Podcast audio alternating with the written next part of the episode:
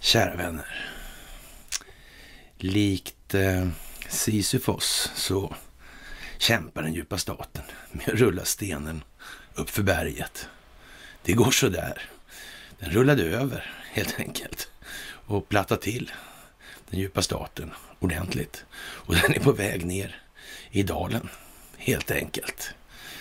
Ja, vi skriver den eh, första oktober 2021 och då, kära vänner, då är det dags för ett fredagsmys.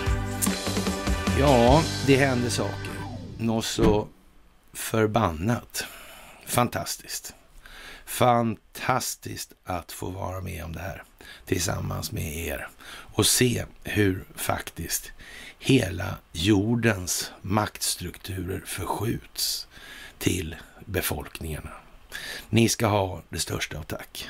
Tack för att ni hänger på och hjälper till i det här folkbildningsprojektet. Tack för att ni är så engagerade. Tack för gåvor på Swish och Patreon. Tack för att ni följer den här kanalen. Tack för att ni fördjupar er på karlnorberg.se och tack för att ni hänger på med Telegramtjänsten. Ja, det är inte så lätt när eh, allt ska upp i ljuset av verkligheten och eh, den djupa staten ska exponeras. Och det här ska ske på det sätt som har den högsta verkningsgraden. Och det är det vi ser nu framför våra ögon inför öppen ridå. Fantastiskt faktiskt. Och det är ju massor med saker. Naturligtvis i Sverige så finns Stockholmsbyråkratin förankrad så det räcker och blir över. Och det finns en befolkning som är djupt förälskad i sina förtryckare på grund av att de är så rädda för att granska sig själva kritiskt i fråga om sina känslogrundande värderingar. Men det blir så att tvånget kommer göra gällande. Det här kommer, som vi har sagt hela tiden, att rulla in utifrån och det, det är vad som händer just nu. Och vi kan väl börja lite här hemma om att Northvolt och Volvo på hemligt besök i Timrå besked om gigantisk batterifabrik närmar sig och naturligtvis energi är en fråga i de här sammanhangen. Och eh, som sagt, vi har tjatat om vårt exempel med om det så ska vara tusen spänn liten för dieseln och eh, världens dyraste snus i Norrland. Nu får det vara slut med det mentala förtrycket över den större delen av landet som utger eller utgörs av Norrland. Det får faktiskt vara en ände på det nu. Och nu vill det till att människor tar sitt ansvar i en långt mycket större utsträckning än vad som har varit fallet tidigare. Men tro mig, var vid gott mod. Det här kommer att ordna sig. ordna sig. Det är som vi har sagt, det behövs inga 52 procent. Då säger någon näbbjävel, 51 är det väl då? Nej, vi vet, vi vet. Ja, det är inte så mycket i alla fall. Det är runt 20 procent som det här handlar om. De andra 80 kommer haka på. De som inte vill bry sig vill inte det, men de kommer med tiden att bli tvungna efterhand som de gamla värderingsgrunderna inte längre är tillämpliga i det samhälle som kommer att komma. Det är bara så. De här gamla strukturerna är helt uttjänta. De är inte värda någonting.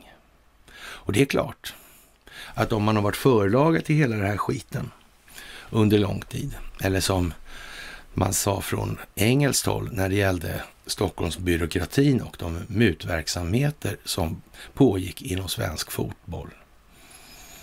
Ja, Stockholmsbyråkraterna, de har hållit på sen freden i Västfalen. 1648. Eller som polackerna säger, då den eh, svenska syndafloden tog vid och begärde att man skulle lämna tillbaka alla artefakter och reliker och ja, kulturella föremål som man hade stulit därifrån. Det verkar finnas en medvetenhet och tro mig, det gör det. Det gör det. Och omvärlden har inte råd med det här jävla spektaklet längre. Så enkelt är det bara. Och därför passar vi på att börja i kärnan på det där. Och eh, som sagt, det är mycket som cirkulerar nu kring den industriella kärnan i Sverige. Och där finns E18, där finns E4 till exempel. Där finns kraftförsörjningen och så vidare. Det ska man inte glömma i det här läget. Det gäller dock att bryta de här monopolen, eller vad vi ska kalla dem för, som finns etablerade dolt i det här. Det är dolda strukturer naturligtvis. Man är inte helt tappad bakom vagnen när det gäller att verka utan att synas. Och en ytterligare fråga i det här, det är naturligtvis det här undantaget då som är klubbat nu med Cementa. Vad handlar det där om? Jo, det handlar om det svenska rättssystemet. Det är en sak. Kan man bara hoppa över lagar sådär? Spelar det verkligen ingen roll? Och sen, sen handlar det om, är det bra för ett samhälle att lägga alla ägg i en korg sådär? Att vara så beroende av ett företag. Hamnar inte det, eller försätter inte det samhället i någon form av möjlig utpressningssituation? Ska till exempel energijättar kunna diktera villkoren för samhället utifrån sin egen vinstmaximerings eller sitt vinstmaximeringssyfte? Är det så samhället ska fungera? Är det så? Jag tror väl fan det, att de minskar på utbudet för att höja priset. Såklart. Är det lämpligt? Är det lämpligt att ha så med cementen? Nej. Det är inte lämpligt. Det är direkt olämpligt, helt enkelt. Men det är klart, det här vet ni som följer den här kanalen i alla fall. Och eh, vi kan väl säga det först som sist också, att eh, när det kommer till alternativrörelsen så ser vi klara förskjutningar nu, hur folk faktiskt börjar anamma det här, att det är nog faktiskt så att det här är någon form av planerat förlopp som vi ser spela ut framför oss. Och återigen, om vi tar exemplet Donald Trump. Det är inte så att han blev president och sen kom han på att han skulle dränera den djupa staten. Det var förberett lång, lång, lång tid före det att han blev president. Mycket långt före var det. Ja, och eh, som sagt, vem tar upp den här handsken när det kommer då till Cementa? Någon måste ju så att säga se till att det blir en riktig rättslig prövning. Det handlar om det svenska rättssystemet. Är det värt sitt salt överhuvudtaget? Eller är det bara trams? Är det bara trams den här ja, skendemokratin vi har med någon form av konstig monarki som ligger som ett mystiskt skynke över alltihop? Hur funkar det där egentligen? Det här med att slå mynt till exempel. Och hur är det Riksbankslagen? Hur är det här en seriös konstitution? Finns det ens en möjlighet att hålla på med begreppet demokrati i någon verklig mening utan att vara en republik till exempel? Är det möjligt och givet att begreppet demokrati innehåller förutsättningen att det råder en upplyst, eller finns en upplyst och medveten befolkning. Är det så? Det kan man fråga sig och det är värt att ställa sig den frågan i det här läget. Nu måste de människor som leder det här, det vill säga vi, nu måste vi ta bladet från munnen i en ännu större utsträckning. Och det har ni alla märkt nu, att det här spelas oss rakt i händerna. Rakt i händerna. Vi får klockrent rätt i precis allting. Hur kommer det sig? Hur kommer det sig att inga andra adresserar de här frågorna som vi adresserar hela tiden? Det här är ju som att sitta och spela ett riggat bingospel lite grann, är jag säker på att rätt många av er tycker. Och, och, det är ju rätt trevligt i och för sig, men vi kanske inte heller ska vila för mycket på hanen när det gäller då liksom att driva på lite där, utan faktiskt väga in lite grann var sätter vi in de bästa punktinsatserna. Och, och, det kan man väl säga nu att nu är det ju till och med som Marcus Oskarsson, ja vad ska vi kalla det för, beter sig lite undligt rent ut sagt alltså. Det, det måste man ju faktiskt tillstå i det här läget. Och ja, anar man inte det förr så det kommer ju alltså puckar hela tiden. Men mer om det senare då i det här myset.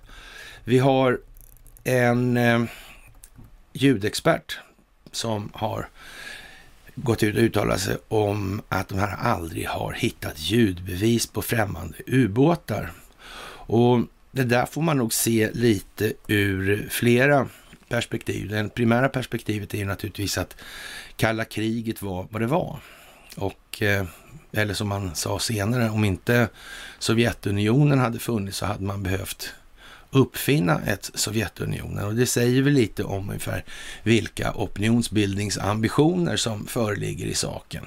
Och ja, sen kommer ju alla de här andra historierna med Estonier och att man har avlyssnat och spionerat och på sina egna och så. Och Roine Carlsson han sa en gång, en tidigare svensk försvarsminister, han kallade det för budgetubåtar en gång när han var lite arg då sådär. Och han, eh, han gjorde någonting som hette till och med i ja, interna sammanhang kallades för Roines hämnd gällande militärhögskolan. Det ska man tänka på också. Han var inte så tappad så. Men det här kommer naturligtvis att komma tillbaka. Och det gör det ju. Det går i en tågordning som är planerad. Det här ska väckas till liv. Det här ska klarläggas. Vad utgjorde grund till vilket? Det ska klaras ut. Och det gäller otroligt mycket i det svenska samhället nu. Och vi har ju alla erfarit då att våra sta kära statstjänstemän, våra byråkrater, eller Stockholmsbyråkrater då ska vi väl kalla det för, har betett sig unisont alltså. Oj, oj, oj, oj. De har skrikit sig blå efter öppenhet, transparens och demokrati. Allihopa. Eller kanske inte så mycket hela tiden, alltid. Utan lite återhållsamt kanske, ibland, någon gång. Av någon anledning. Jaha, i riksdagen idag ljög politikerna, säger Oysen Cantwell. Och det kan man ju undra varför han säger då. Det låter ju precis som att han eh, på något vis har en idé om att eh, det här är kanske inte riktigt så seriöst. Han skriver så här, i riksdagen idag ägnar sig, åt, ägnar sig åtta politiker åt att antingen ljuga eller utelämna väsentliga delar av sanningen. Och eh, man kan väl till Oisens möjliga försvar då i alla fall säga att det är ju bra att han säger det nu då, men möjligtvis är det också så att han, det här har kanske funnits uppmärksammats i något enstaka fall tidigare. Det skulle kunna vara så i alla fall. Och, och då har Oisen inte varit rik, riktigt lika eh, ja, skrivglad, kan vi säga så. Och framförallt har då Aftonbladets redaktion kanske inte varit lika förtjust i att man har trumpetat ut det här. Men nu är det andra tider som sagt. Nu är ljuset på verkligheten på, inte bara på ingång, ett anlänt till plattformen.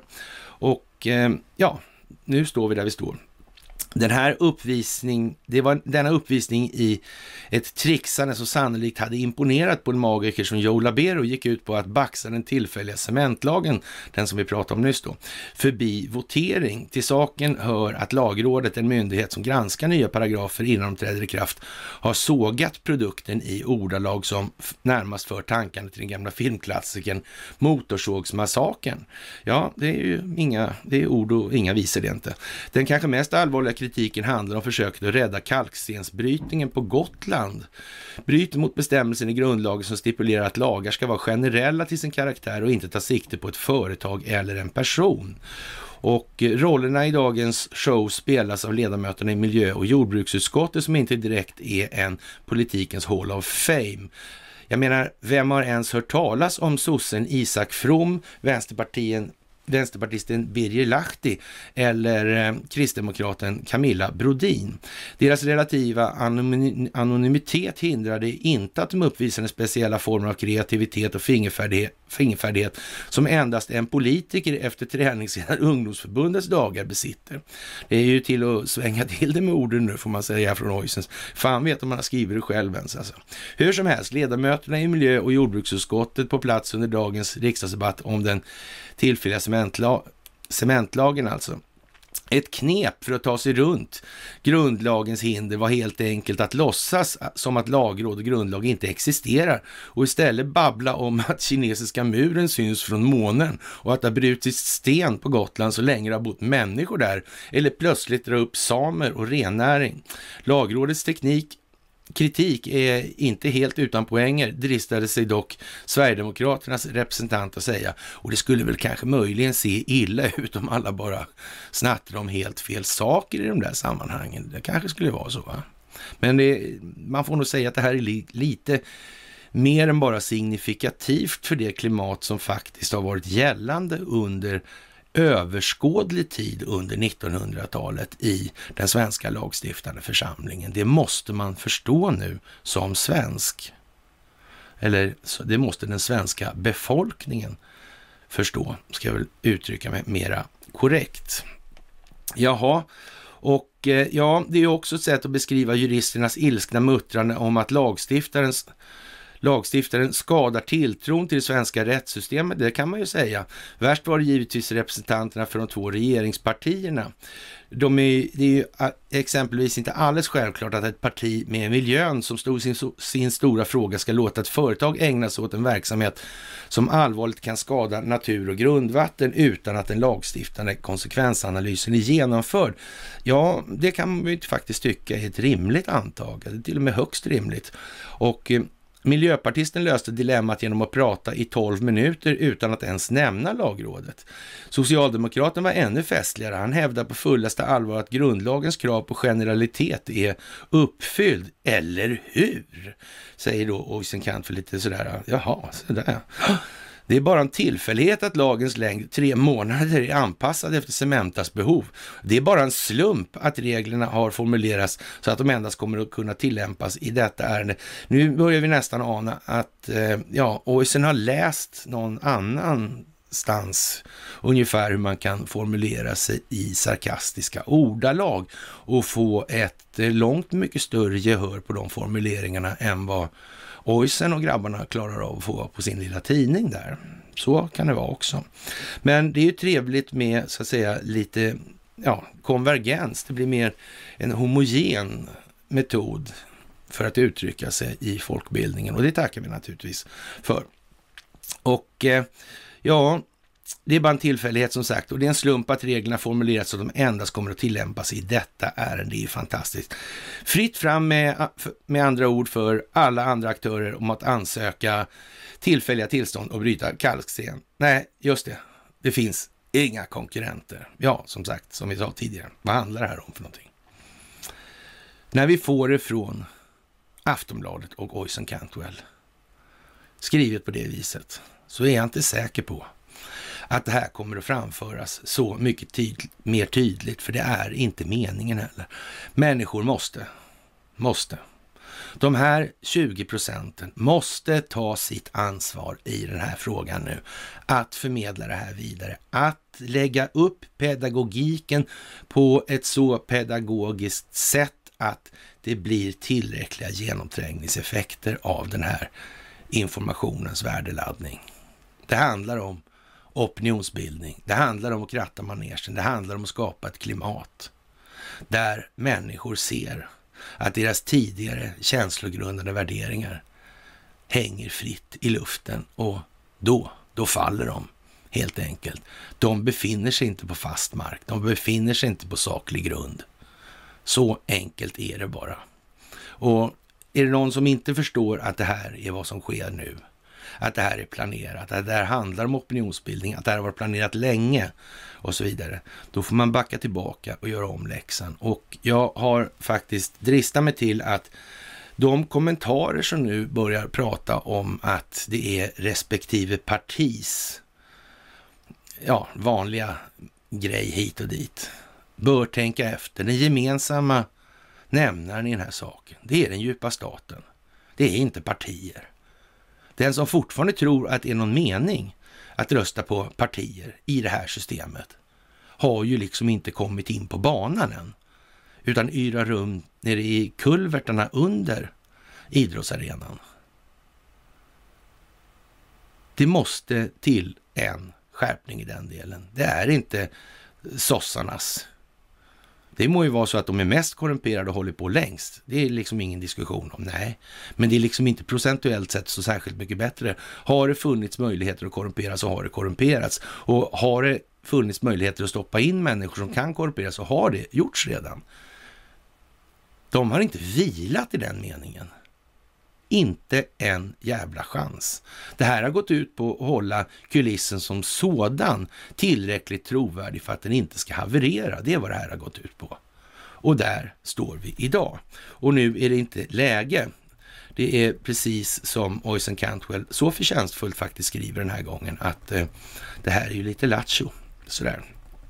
Jaha, och Eh, en chef för cybersäkerheten är gripen i Ryssland och det kan man ju tycka är lite speciellt. Minsann om inte bolaget heter IB då, Group IB och vi tänker ju genast på IB-affären och till exempel en sån som Birger Elmer eller Olof Palme eller Tede Palm och såna här grejer. Och eh, ja, den här har då blivit anklagad, den här figuren då, för att ha samarbetat med utländska underrättelsetjänster och det är ju inte utan att eh, det är lite bekant över det där med en annan figur som vi kommer tillbaka till, en svensk dito. Och det här med underrättelsetjänster och deras beroenden.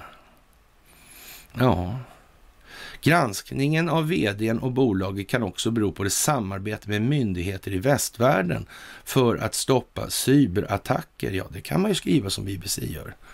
Mm. Men frågan är om det är hela sanningen. BBC till exempel har att göra med Redby. Redby har att göra med Investor. Investor har att göra med, ja, varför inte Ericsson och Saab till exempel? Kanske? ja, man vet ju inte hur det kan vara. Och eh, USAs president har tidigare uttryckt oro över att cyberattacker riktade mot USA kommer från ryskt territorium och eh, att den ryske presidenten Vladimir Putin tillåter den här verksamheten. Mm. Så det har vi sagt ganska många gånger att den djupa staten finns i Ryssland. Det vet Ryssland om. Kreml är mycket, mycket medvetna om det här. Ja, den djupa staten finns i Kina. Xi Jinping vet om det, helt säkert. Recep Tayyip Erdogan känner till den här frågan. Han också. Helt säkert. Och det gör Donald Trump också. Men de, har, de tänkte aldrig på att de skulle koordinera det här. De hade en gemensam fiende som var det stora problemet för alla fyra. Det kunde de konstatera. Men de kom aldrig på att de kunde faktiskt med fördel samverka mot den här gemensamma parten som utgör deras problem. Tänk vilka tröga strateger det måste vara i de där staberna. Otroligt alltså. Man kan inte tro det är sant knappt alltså. Nej, det kan man inte. Man kan inte tro att det är sant, för de fattade det. Helt jävla säkert så gjorde de det. Ja, vi återkommer till den där figuren så småningom. Jaha, och eh, den här About IB Group skrev vi då och eh, den har då lite klienter då, till exempel de 30 största bankerna och finansiella organisationerna i världen. Och redan där måste, man ju misstänka, men vad dumt av e- Ericsson liksom att släppa in något sånt där. Det var väl tokigt. Ja, skulle inte Ingves ha upptäckt det här, alltså tänkt på krypteringen och sådär. Han som har suttit i, ja, Baselkommittéerna och bestämt om bankregleringarna på jorden, att han inte kom på de här sakerna. Och att inte underrättelsetjänsterna kom på det här. Att det här kunde vara något konstigt. Hur som helst, de har alltså hand om ja, de 30 största bankerna, olje och gasföretag och eh, ja, mjukvaru och hårdvaruföretag och eh, telekomservice, telekomservice tillhandahållare då och ja, vad ska vi säga, de håll, eh, höll på, eller håller på i 60 länder, inklusive då Singapore, Nederländerna, Förenade Arabemiraten, Vietnam, Argentina, Australien, Turkiet, Brasilien, Kanada, Libanon och eh, ja, Storbritannien och USA och så vidare och så vidare. Men vem fan har hand om telekominfrastrukturen i det här? Måste inte de ha märkt det här alltså? På något vis. Eller? Hur sitter det ihop? Vem gör vad med vilket syfte och varför? Mm. Spännande det där. Spännande det där. Jaha, och eh, ler i mjugg mellan Skåne och Västernorrland när brittiska kungahuset konvergerar med Kardashians. Och eh, nu är det dags. Äntligen så ska då Storbritannien ha en dokusåpa, eller realitysåpa alltså. Och eh, ja, ja, och slå sig samman då för att rädda världen och eh, ja, fylla tomrummet efter Kardashians helt enkelt. Men det här är ju en optik som man kan säga är vältydlig. Man tycker att det borde ha räckt för länge sedan nu. Man ska väl inte behöva hålla på med sånt här alltså. Nu, folk måste ju ha förstått det här innan man gör det så tydligt. Men det behövs. Och det kommer matas på vidare i den här ändan. Tro ingenting annat. Och det kommer komma bra så mycket mer dumma saker. Absolut. Det kommer det att göra. Det kommer det att göra. Och ja, det är väl inte så mycket att egentligen be för längre i den meningen. Det är faktiskt patetiskt uppenbart nu vad det här är för någonting. Och eh, ja, vi får väl se om det blir någon rolig såpa av det där. Det kommer väl kanske inte att gå riktigt så långt, men ändå. Lite trevligt utspel, så där kan vi säga. Fastighetstvisten, miljonerbjudande till Ebba Busch. Även ha, här har vi naturligtvis ett spel i bakgrunden. Vad är det här för någonting? Vad tänker man här egentligen? Vad är det som ska fram? Och vad är det som ska exponeras i det här? För det är så att saker och ting hänger ihop. Det finns strategiska planeringar bakom de opinionsbildningsinsatser som görs. Det är inte bara saker som händer som står i tidningarna. Det står massor med saker i tidningarna som inte alls händer. Faktiskt. Och i vårt fall i Sverige så kan man nästan påstå det som att det står bra mycket so mer saker som, i tidningarna som inte händer än vad som händer. Så kan man säga att det egentligen är strikt. Men det handlar ju om att inte ljuga, så det blir delar av sanningen då, eller verkligheten i alla fall.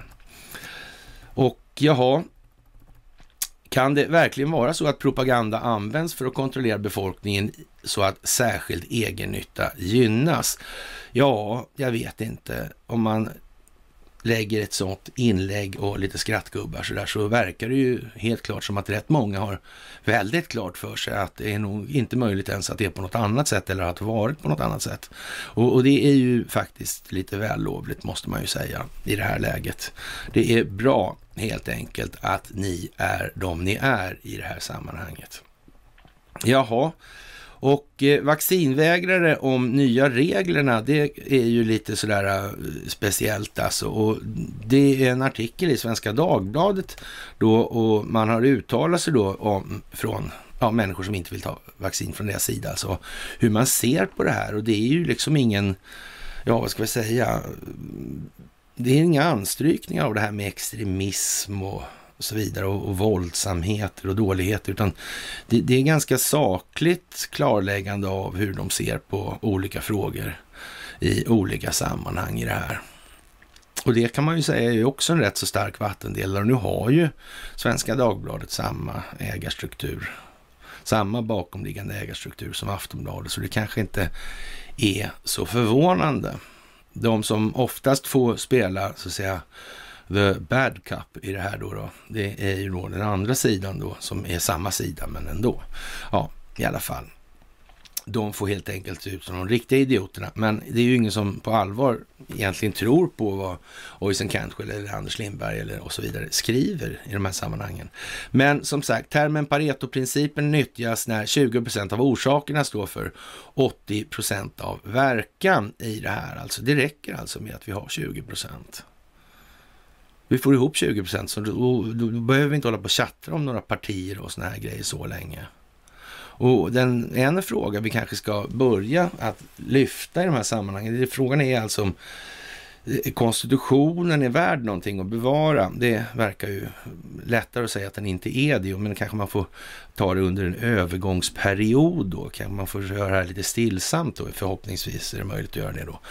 Och ja, vi kommer att ta ett steg då från att vara moralfilosofiskt materialistiskt orienterade till att bli intellektuellt emotionellt orienterade, så att säga. Att utveckla våra känslogrundande värderingar. Och det här är ju någonting som ni har hört mig tjata om till tårögd leda vid det här laget. Och eh, dessutom är det så illa så jag kommer fortsätta tjata det här, för nu ska alla jävlar med som kan få oss med på det här. Det finns inget val helt enkelt. Nu står vi på. Nu är det det som gäller. Och ska vi enas om någonting så ska vi enas om de sakliga grunderna, inte vad vi tycker eller tror i så motto. Det går att se och det går att tänka och det går att resonera med andra i det här. Och lägger man ihop de här delarna så får man den bästa möjliga helheten. Faktiskt. Ja, jaha, och eh, en liten trist historia då så här när vi konstaterar att eh, militära ledare, ja, de i Kanada då, såg då den här pandemin som en unik möjlighet att eh, testa propaganda på kanadensare. Och det kan man ju tycka är, är lite speciellt. Va, va, vänta här nu.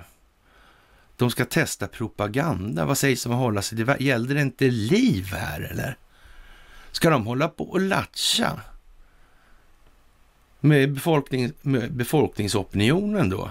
För att kolla styrfunktioner, eller vad, vad då? Eller verktyg för styrning och kontroll. Vad är det för någonting? Gällde det inte att rädda liv här nyss? Det verkar jättekonstigt och ja, då säger man eh, ja, så här att det var grund, alltså hela Afghanistaninsatsen var alltså grundat på propagandastunt då. då. Och eh, en plan som utarbetades av Canadian Joint Operations Command byggde på propagandatekniker som liknade dem som användes under afghanska kriget, säger man då från kanadensisk militär sida i det här. Kanada är ett Five Eyes-land. Det är en kronkoloni, precis som Nya Zeeland och Australien, som tillsammans med Storbritannien och USA bildar Five Eyes. Och de här länderna lyder alla fem under samma telekominfrastrukturs förutsättningar. Det är bara så. Och det var ingen som helst slump att det som hände med Ericsson hände med Ericsson just den 10 november 2019. Tro inget annat. Det är ingen slump hur det ligger i tiden i förhållande till pandemins utbrott. Det är heller ingen slump. Och den hade man haft koll på jättelänge. Helt säkert. Jättelänge. ja, det blir ju lite som det blir det här. Det får man nog säga. Och eh, jaha, det blir lite dåligt med pengar för USA verkar det som framåt oktober här nu. Och eh, vi får väl eh, se om man stänger ner det på den bogen eller inte. Och hur som helst så är ju de här dagarna nu, de är ju lite grann vikta åt att människor ska förstå till exempel vad är inflation för någonting? Inflation är inte prishöjning. Men pri prishöjning är en möjlig konsekvens av inflation, dock inte efter skuldmättnad i ett system där det allmänna betalningsmedlet består av enskilt kontrollerade räntebelastade skulder. någon gång hoppas jag någon roar sig med att titta och se efter hur många gånger jag har sagt just den versen. Det, det, skulle vara intressant att veta faktiskt. Men tro mig, den är faktiskt så verklighetsbeskrivande som någonting kan vara i de här sammanhangen. Och ändå så är den rätt så kraftigt förbesedd av förklarliga skäl. Riktigt förklarliga skäl. Ja, inflationen äter upp din lön säger man då från Konjunkturinstitutet och då kan man bara säga så här att i ett skuldmättat system är det prishöjningar, hint, leveranskedjorna, energibluffen och så vidare som äter upp i så fall. Dessa beror alltså i sin tur inte på inflation, ett inflöde av betalningsmedel i den realvärdeförädlande delen av ekonomin, när kortare krediter försörjer längre krediters räntekostnad i en allt snabbare växande omfattning och räntan inte kan sänkas mer av systemiska trovärdighetsskäl. Det är en lång och bra mening, men det är i alla fall så det är. Och eh, om det här var så lätt så det alla skulle se det uppenbara, då skulle det inte kunna existera. Men människor måste anstränga sig lite grann och det här är inte så komplicerat. Det är det inte. Och det är faktiskt lätt att se när man tänker en stund på det där. Så, ja, det blir lite monetär mekanik här faktiskt. Det är ju lite sådär speciellt. Jaha, och Eh, den förre franske presidenten tycks vara skyldig då till illegal eller olag, olaglig finansiering under 2012 års valkampanj då. Och det är ju lite otur för honom. Och det kommer ju visa sig naturligtvis att han har en del fingrar i det här med Muammar Gaddafi. Och eh, det fanns ju då liksom reverser och så. Mm. Det finns massa olika grejer där och det sitter ihop och Sverige var ju pigga på att hålla på med målbelysning i insatsen mot Libyen i det här. Och det kan ju i sin tur kanske bero på att det fanns en massa dokumentation i Libyen som gällde till exempel Lockerbybombningarna.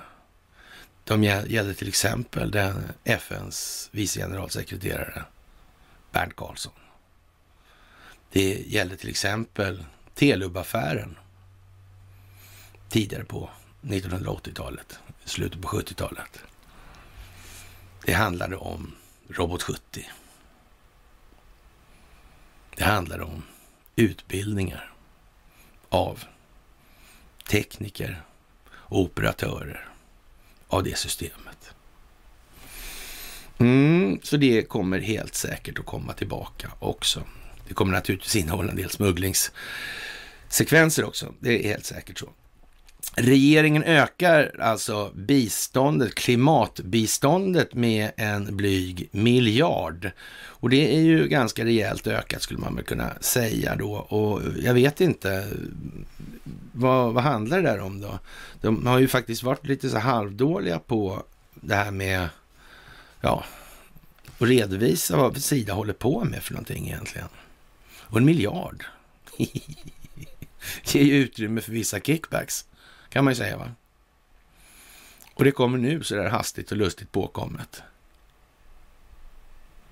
Trovärdigt? Nja, sådär va. ja, det är väl liksom sådär alltså. Och eh, många gnölar ju då till exempel hur, över det här med pengarna hit och dit. Och återigen, många människor måste faktiskt nu släppa den här föreställningen om vad pengar är och försöka se det i termer av vilket samhälle ska vi ha? När de här pengarna havererar så har de havererat. Och har vi inte tänkt klart då på vad det är vi vill ha istället och vad som egentligen är alltså genomförbart i verkligheten och dessutom är det så här alltså, har alla människor samma värdegrund, då spelar det ju liksom ingen roll om vi, om ja, Jesus stiger ner på jorden och vi har samma värdegrund hos människorna. Det kommer, det kommer korrumpera vad som helst. Helt säkert. Vägen framåt går genom individerna. Och individernas utveckling leder till samhällets utveckling i den meningen. Det här fungerar inte. Och att det här har kunnat uppstå, det beror på, till syvende och sist och i grund och botten alltså, på att individernas inställning till tillvaron och sig själva har varit den den har varit. Och det måste man komma ihåg nu. Jag får massor med mess och grejer om, ja men hur blir det med mina pengar? Ja, hur blir det med någons pengar? Det blir väl som för alla andras pengar. Naturligtvis. Enskilt kontrollerade räntebelastade skulder som inte kan betalas är vad då för någonting? Ja, de är i någon omfattning utan värde. I någon omfattning värdelösa alltså. Värdelösa. Mm. Det finns något löst värde. Hur stort är den här värdelösheten? Ja, man kan väl säga att eh, all den stund som de här börjar realiseras i bankernas balansräkningar så kommer det ta en jävla fart. Det kan vi ju säga. Det är också helt säkert. Jaha. Och eh, ja, om Youtube eh, då blockerar Rysslands eller RTs tyska kanaler för eh, ja, vilseledning då eller fel, falsk information eller fake news då. Så när kommer då MS, NBC och CNN och de här bli eh, ja, avstängda för det här med Russiagate? För det har ju visat sig vara rent falskt och de har ju kört det rätt hårt. När, när kommer det liksom? Kommer det aldrig att komma eller? Hur är det där? Verkar inte det konstigt? Det verkar väl konstigt. Det verkar inkonsekvent. Sådär. Faktiskt. Ja, det är ju en tanke man måste... Men sen är det återigen det här, kommer verkligen man offra alla de här techjättarna? Nej, det kommer man nog inte göra, nej. Jaha, en mycket intressant sak som dök upp igår, det är att en 96-årig kvinna jagas avvek från nazisträttegång. Och Eh, det där är ju lite speciellt får man ju säga. Och då reser sig en annan fråga då naturligtvis. Mera dagsaktuell skulle man kunna säga lite vänligt då. Nu reser sig frågan passande i tiden alltså, om var gränsen går för individens ansvar var någonstans? Alltså, jag gjorde ju bara mitt jobb. Det går ju att applicera på en hel del människor i dagens samhälle.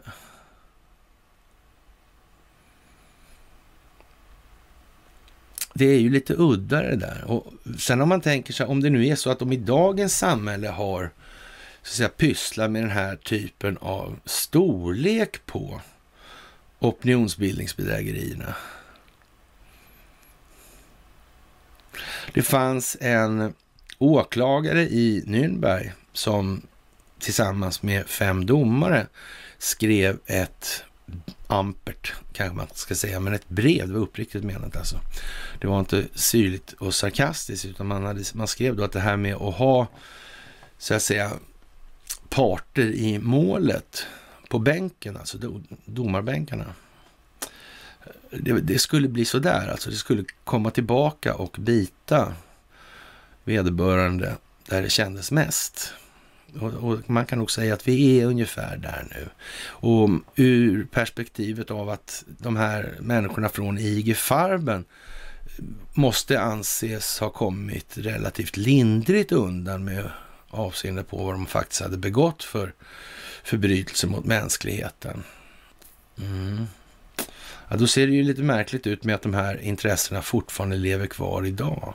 Och, och sett ur ljuset av underrättelsetjänstkollektivet så har ju vi gått igenom det på föreläsning då. Vi har till och med visat den här William Stevenson på bild då från länge sedan och hur lik han är Pierce Brosnan. Men det kommer vi tillbaka till också. För det här kommer tillbaka hela tiden med Pierce Brosnan och hans förehavanden i olika sammanhang här. Och eh, ja, det ser väl rätt så klart ut att det är ungefär som vi sa för ett antal år sedan vad han gör för någonting och vilken roll han spelar i det här. Och ja, det är som det är. Och nu som sagt är det väl en och annan läkare i de här frågorna när det gäller den här nazirättegången då, om man ska jaga den här kvinnan då, kors och tvärs över planeten då, hon är 96 år gammal, och var stenograf på ett koncentrationsläger. Man kan väl säga att det är ju en och annan läkare och sjukvårdspersonal som uppenbarligen har sprungit de enskilda vinstmaximeringsintressenas ärenden. Det går liksom inte att komma undan just nu. Det kan alla se. Och det blir inte djävulskt mycket snyggare av att det är samma bolagsintressen bakom som det var den gången. Och nu jagar man den här 96-åriga kärringen. Men man ska ge fan i att jaga läkare nu då? Där. Om det visar sig att det här är en bluff, då ska man inte jaga läkare. Nej, verkar det särskilt konsekvent? Det kan man väl säga, får man vara lite konsekvent i resonemanget så nu är det någonting som är riktigt fel här. Och vad sägs om att vi gör om och gör rätt? Börjar om från början, från grunden i den meningen. De här kulisserna är skapade av en anledning. Tro för helvete ingenting annat. Gör inte det. Var kritisk. Se efter, läs på, jämför, korstabulera. Nu är det uppe, framme, klart. Optiken är entydig i de här frågorna. Det konvergerar big time. Och vi som svenskar har den, eller svensk befolkning då, vi har det så förspänt att vi kan se vad det här ska landa i. Det kan man inte på så många andra håll kan jag garantera. De är fortfarande fast i en det ena, en det andra. Och som sagt, de kan tycka, tänka, tro, vilja, vad som helst. Men bankernas tillgångar består av räntebelastade skulder. Det är deras tillgångar också. Deras tillgångar är andra skulder. Och om de inte går att betala, då är bankernas tillgångar, då är de borta i en eller annan omfattning. Och det är inte upp till dem att avgöra det här och landa det här på det viset. Det går alldeles för fort. Och då är ju frågan, ska återigen, ska då samhället sätta sig i knät på enskilda intressen på det här viset? Är det rimligt? Ska det vara på det viset som Sverker Olofsson skulle ha sagt? Nej, det ska nog inte vara det faktiskt. Det verkar jättedumt helt enkelt. Jätte, jättedumt. Jag tror vi ska låta bli det. Vi får nog faktiskt då pröva någonting annat. Och som vi sa förra gången och tusen gånger innan dess, det här har ju naturligtvis de vetat om som införde det här systemet 1930, att de började 26 då, med Hjalmar Schacht och hans turnéer i de här sammanhangen. Och vem som stod för reformationen av det tyska banksystemet som rådgivare till Hjalmar Schacht. Ja. Och sen har vi den här Thomas McKittrick och det här. Alltså, de har ju vetat om det här hela tiden. Det är alltså vem? Marcus Laurentius Wallenberg. Det är inga nyheter och guldregn över stan tycker jag alla borde kunna utan till att fundera på genom, fundera igenom den texten. Vad är det egentligen Karn sjunger för någonting? Eller han bara liksom hittade på några ord och slängde ihop lite verser och men han menade ingenting och han var ju ändå insyltad mitt i det här. Men han visste ingenting. Han förstod ingenting. Han visste ingenting om hållagsbusiness. Han visste ingenting om Torsten Nothin. Finns i andra melodier om herr Nothin och hans palats. Och Wallenberg umgicks han med och vår kung ringde till Torsten när kronan blev tung och så vidare i allt det här. Det är dags att som svensk befolkning ta det ansvar vi aldrig någonsin har tagit för våra egna liv och vår egen tillvaro. Och gör vi inte ens det, hur ska det då gå för de efterkommande? Är vi inte ens intresserade av det längre? Jo, det är vi. Det är vi helt säkert. Och vi kommer att ta det ansvaret. Och vi ska göra det här till ett bättre samhälle. Det är också helt säkert. Jaha, det är alltså en 96-årig kvinna som jagas nu och hon av, avvecklas, ursäkta, från en nazist, nazirättegång. Det är till att dra till naturligtvis. Och det är Omni som har, eh, det är Schibsted det också då, som spelar på så att säga andra sidan i det här, för hon är inte lika känt då så här. Det står ju visserligen på deras sida hela tiden att det är det, men det, ja, man räknar väl kanske med att det inte alla som läser så noga, alltid.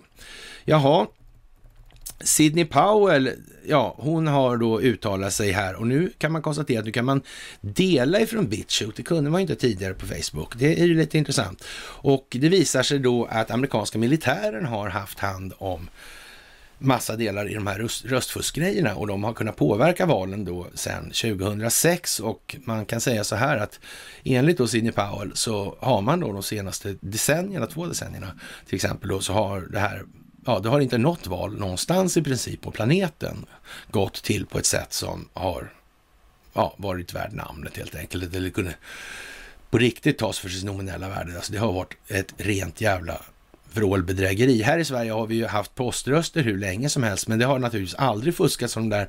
Det har aldrig gått upp en enda säck och det har aldrig försvunnit och bla, bla, bla, bla, bla och så vidare. Men återigen, det får vara slut på den här naiviteten med att tro de här människorna om gott som har suttit vid spakarna i det här systemet. Ja, men det, anledning till att vi befinner oss där vi nu befinner oss och allt det här nu exponeras, det är ju att vi har trott på dem.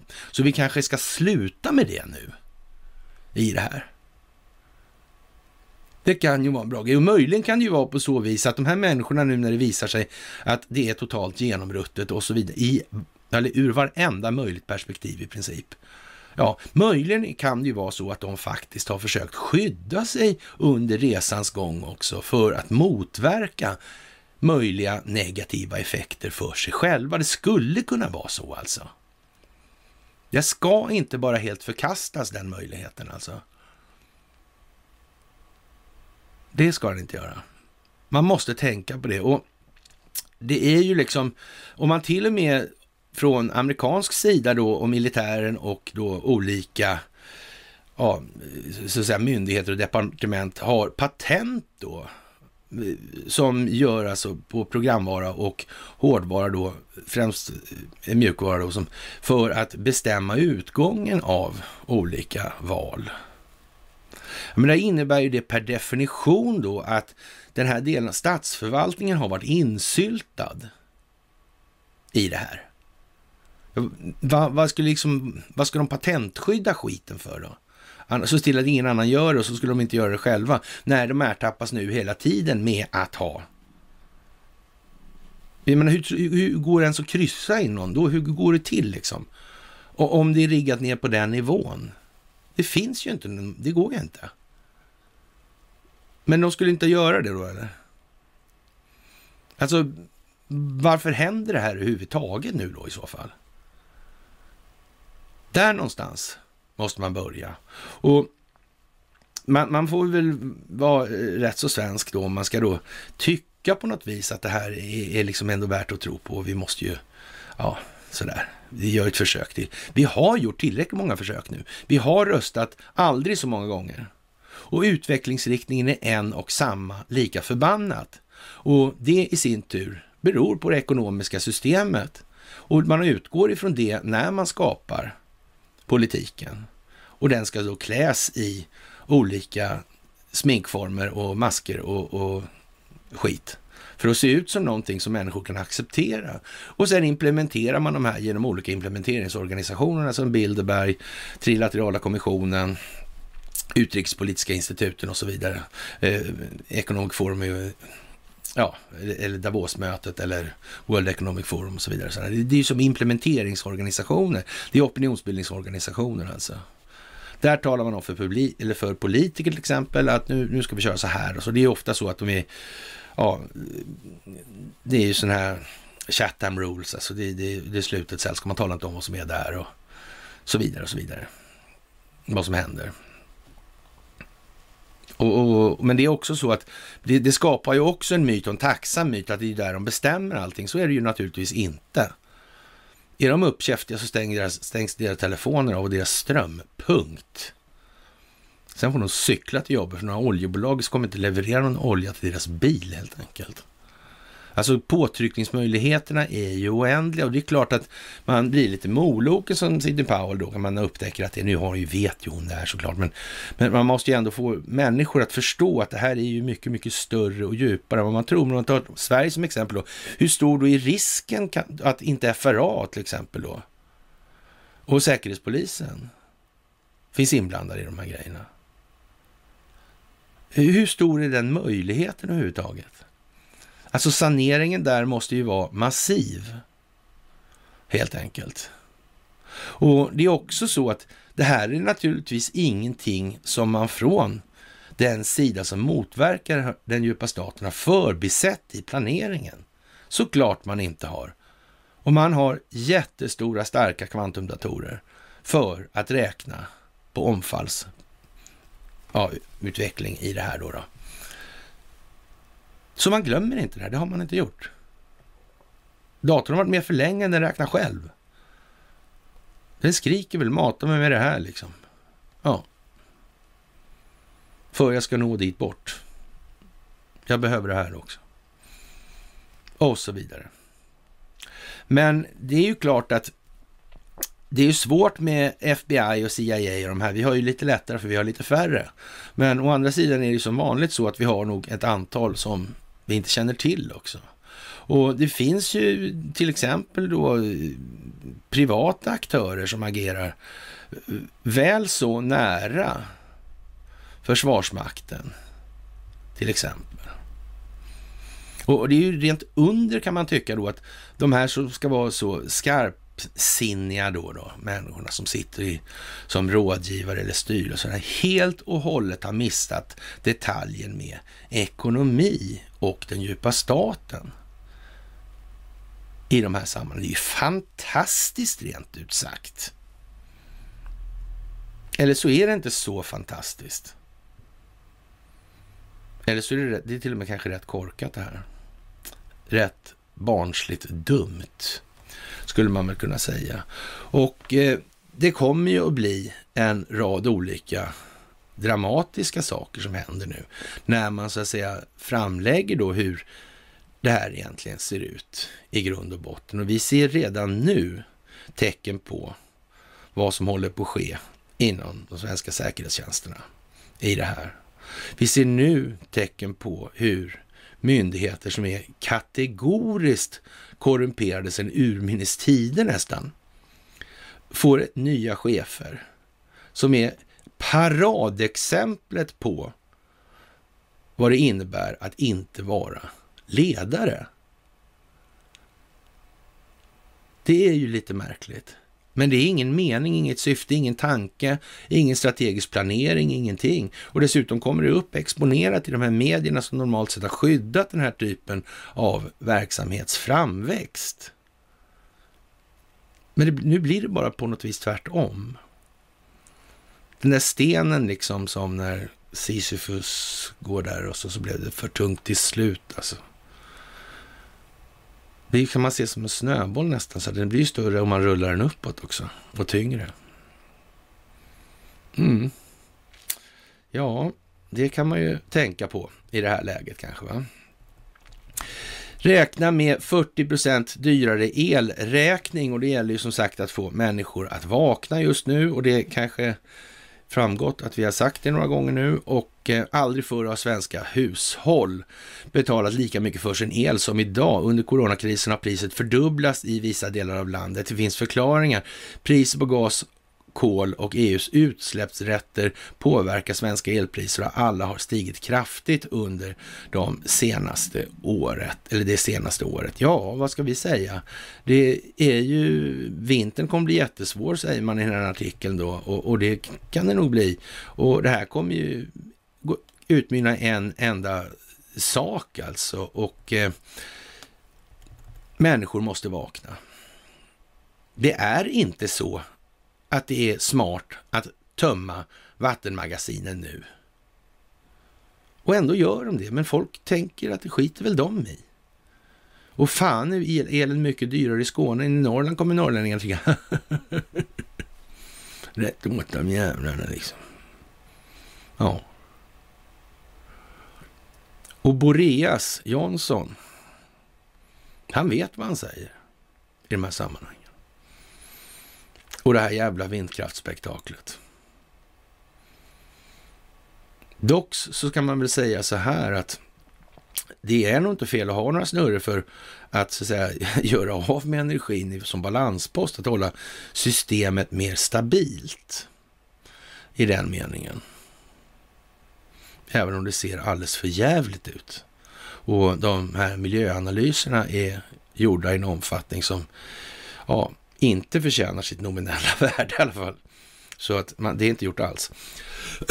och det kan man ju tycka är lite tokigt kanske. Och man säger då från ja, myndigheters sida då att i nuläget är det mycket som talar för att vi går mot en striktare klimatpolitik i EU snarare än vice versa. Och ska man fasa ut koldioxiden helt ur systemet kommer det sannolikt att krävas ett högre utsläppspris. Då de högre elpriserna kommer onekligen att bränna hål i många hushåll plånböcker, men också hjälpa miljön eftersom de möjliggör stora investeringar i förnybar energi, spår Bjarne Schildrop på SEB just också naturligtvis. Högre elpriser gör, det, gör att det blir mer lönsamt att investera i förnybar energi, säger han. Från den synvinkeln är det alltså bra att elpriset stiger. Det är nödvändigt och det är bra, säger Shieldrop. Ja, han tappar skölden alltså. Mm. Ja, vad ska man säga? Det var ju lite udda, var det inte det? Och som sagt, det är väl tusen spänn liten innan de vaknar. Vi kommer tillbaka till den här fantastiska, ja, M, ja, vad ska man säga, MSB då, den här fantastiska organisationen som jag plägar skriva små skrivelser till eller angående det här läget som vi befinner oss i. Det skrev jag 2013 och jag tror ni har sett det där också, så det är väl inte sådär. Men, men ja, det, det, är ju lite skrattretande att det behöver gå dit hän. Och nu utser man alltså den här Eva-Charlotta Petri Gornitska till någon form av hövding för det där då. Det är svårt att säga vad det där egentligen är för någonting då. Själva organisationen som sådan. Det är ju en, en hyperpolitisk opinionsbildningsinstans. Så kan man ju säga i vart fall.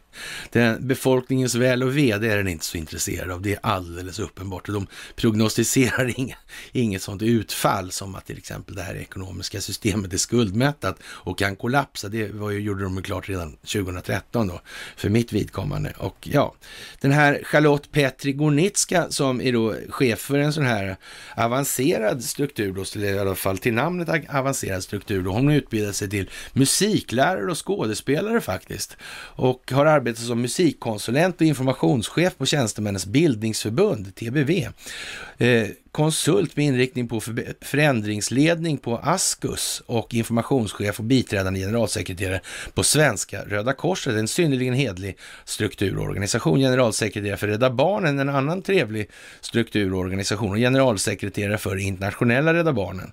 Och eh, ja, hon tillträdde den 1 juni 2010 som vikarierande generaldirektör för styrelsen för internationellt utvecklingssamarbete, Sida, och var mellan februari 2011 och september 2016 ordinarie generaldirektör. Och hon är vice ordförande för World Economic Forums Global Agenda Council on Youth Unemployment, styrelseledamot i Vetenskapsrådet och sitter i insynsrådet för Myndigheten för samhällsskydd och beredskap. Och eh, ja, jag vet inte om det går så mycket värre just. Man tycker ju att det CVt borde väl ändå väcka döva och döda. Det säger väl allt. Det skriker rakt av. Rakt av. Så, och eh, för att göra det här ännu bättre då så skriver man då på Wikipedia, hennes Wikipedia-sida, alltså i september 2012 kritiserade Sidas korruptionsutredare henne för att hon hade anställt en ingift släkting vid myndigheten med opassande hög lön då. Och eh, ja, 2016 blev hon första svensk och första kvinna att leda OECDs biståndskommitté, Development Assistance, Assistance Committee. Efter hennes tillträde tillträde riktades kritik mot kommitténs tillsättningsförfarande och det faktum att regeringen, Sveriges regering hade förbundit sig att betala hennes lön. Och eh, ja, det, jag vet inte exakt. Går det att få det värre här? Men hur kommer det sig att det här kan ske? Är det alltså på allvar så att man menar att det här är den människan i det här landet som är bäst skickad att städa bland korruption och orättfärdighet liksom? Men det kan man väl ändå inte mena? Det tror inte jag på. Jag tror att det här är ett exempel. Jag tror att det här är optik. Jag tror att det här är ägnat att väcka människor. Jag tror inte hon vill ha det jobbet. Helt säkert. Jag tror inte hon vill bli uthängd på det här viset som nu sker. För det lustiga är att det sker ju faktiskt nästan omedelbart i de ägardirektivstyrda opinionsbildningsmedierna också. Så konstigt. Kan det vara någon som har tvingat fram det där kanske? Handlar det kanske om optiken? Handlar det om att skapa en opinion som ska möjliggöra mottagandet av vidare information i vissa givna riktningar. Handlar det om folkbildning? Eller är allt bara tillfälligheter? Det måste man faktiskt ställa sig frågan om. Ja, faktiskt. Det är tydligt nu. Och eh, vi har ju kört det här några gånger och jag har faktiskt dragit mig för att ta upp det här, men det hjälper inte. Det tar Omni upp alldeles självmant då att sossarnas stjärnor kommer från klubb på Handelshögskolan.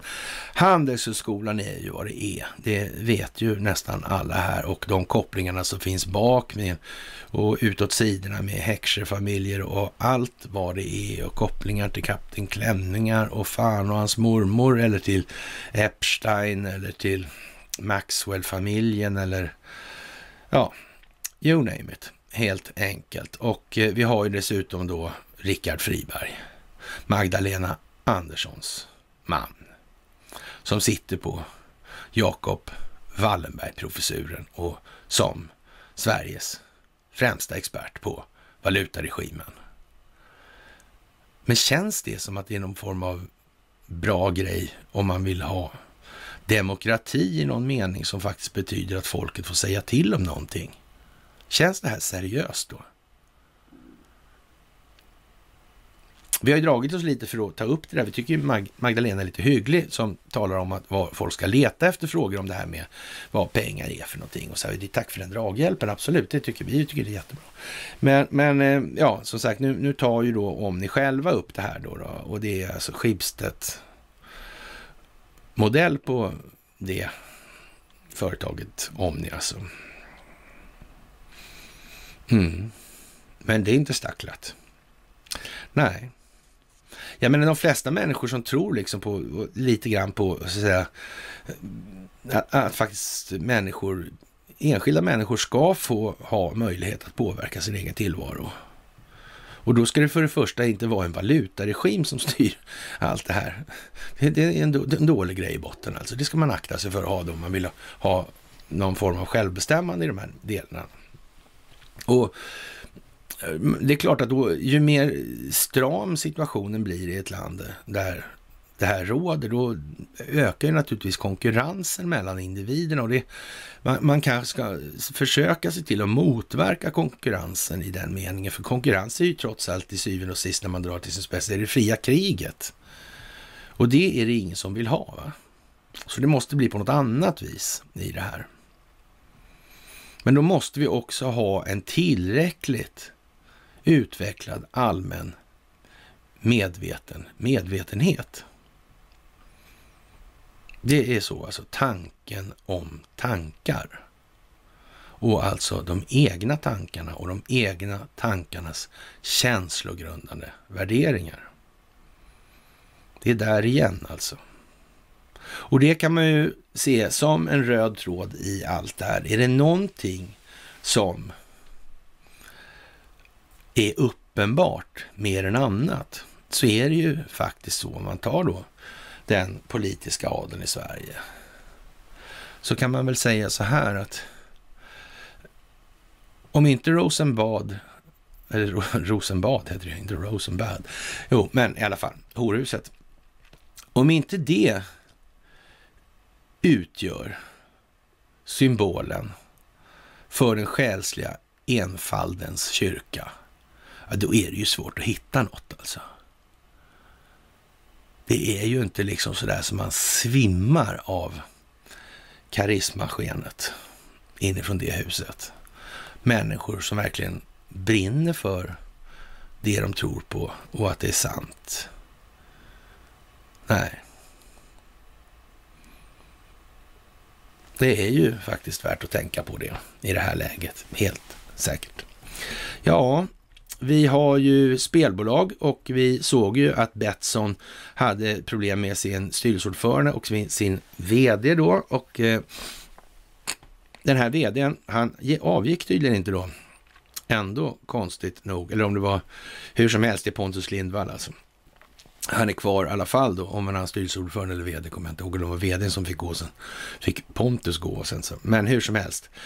Det är så att spelbolagen tappar kunder efter ny nederländsk policy och de här frågorna är lite som det är och som vi har sagt alltså.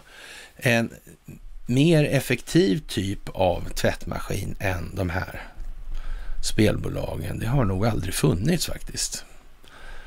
För den här teknologiska eller utvecklingsnivån och det teknologiska klimat som samhället befinner sig i idag har aldrig funnits tidigare. Och man kan ju säga så här att om man då från de här spelbolagens sida har banker och underrättelsetjänster och så här i ryggen,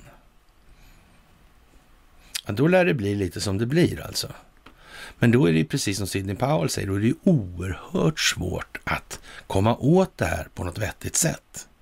Och då blir det ju ännu mer märkligt. Om det nu är så svårt, borde man inte koordinera med de här om det finns andra som har andra, eller samma problem och samma bekymmer?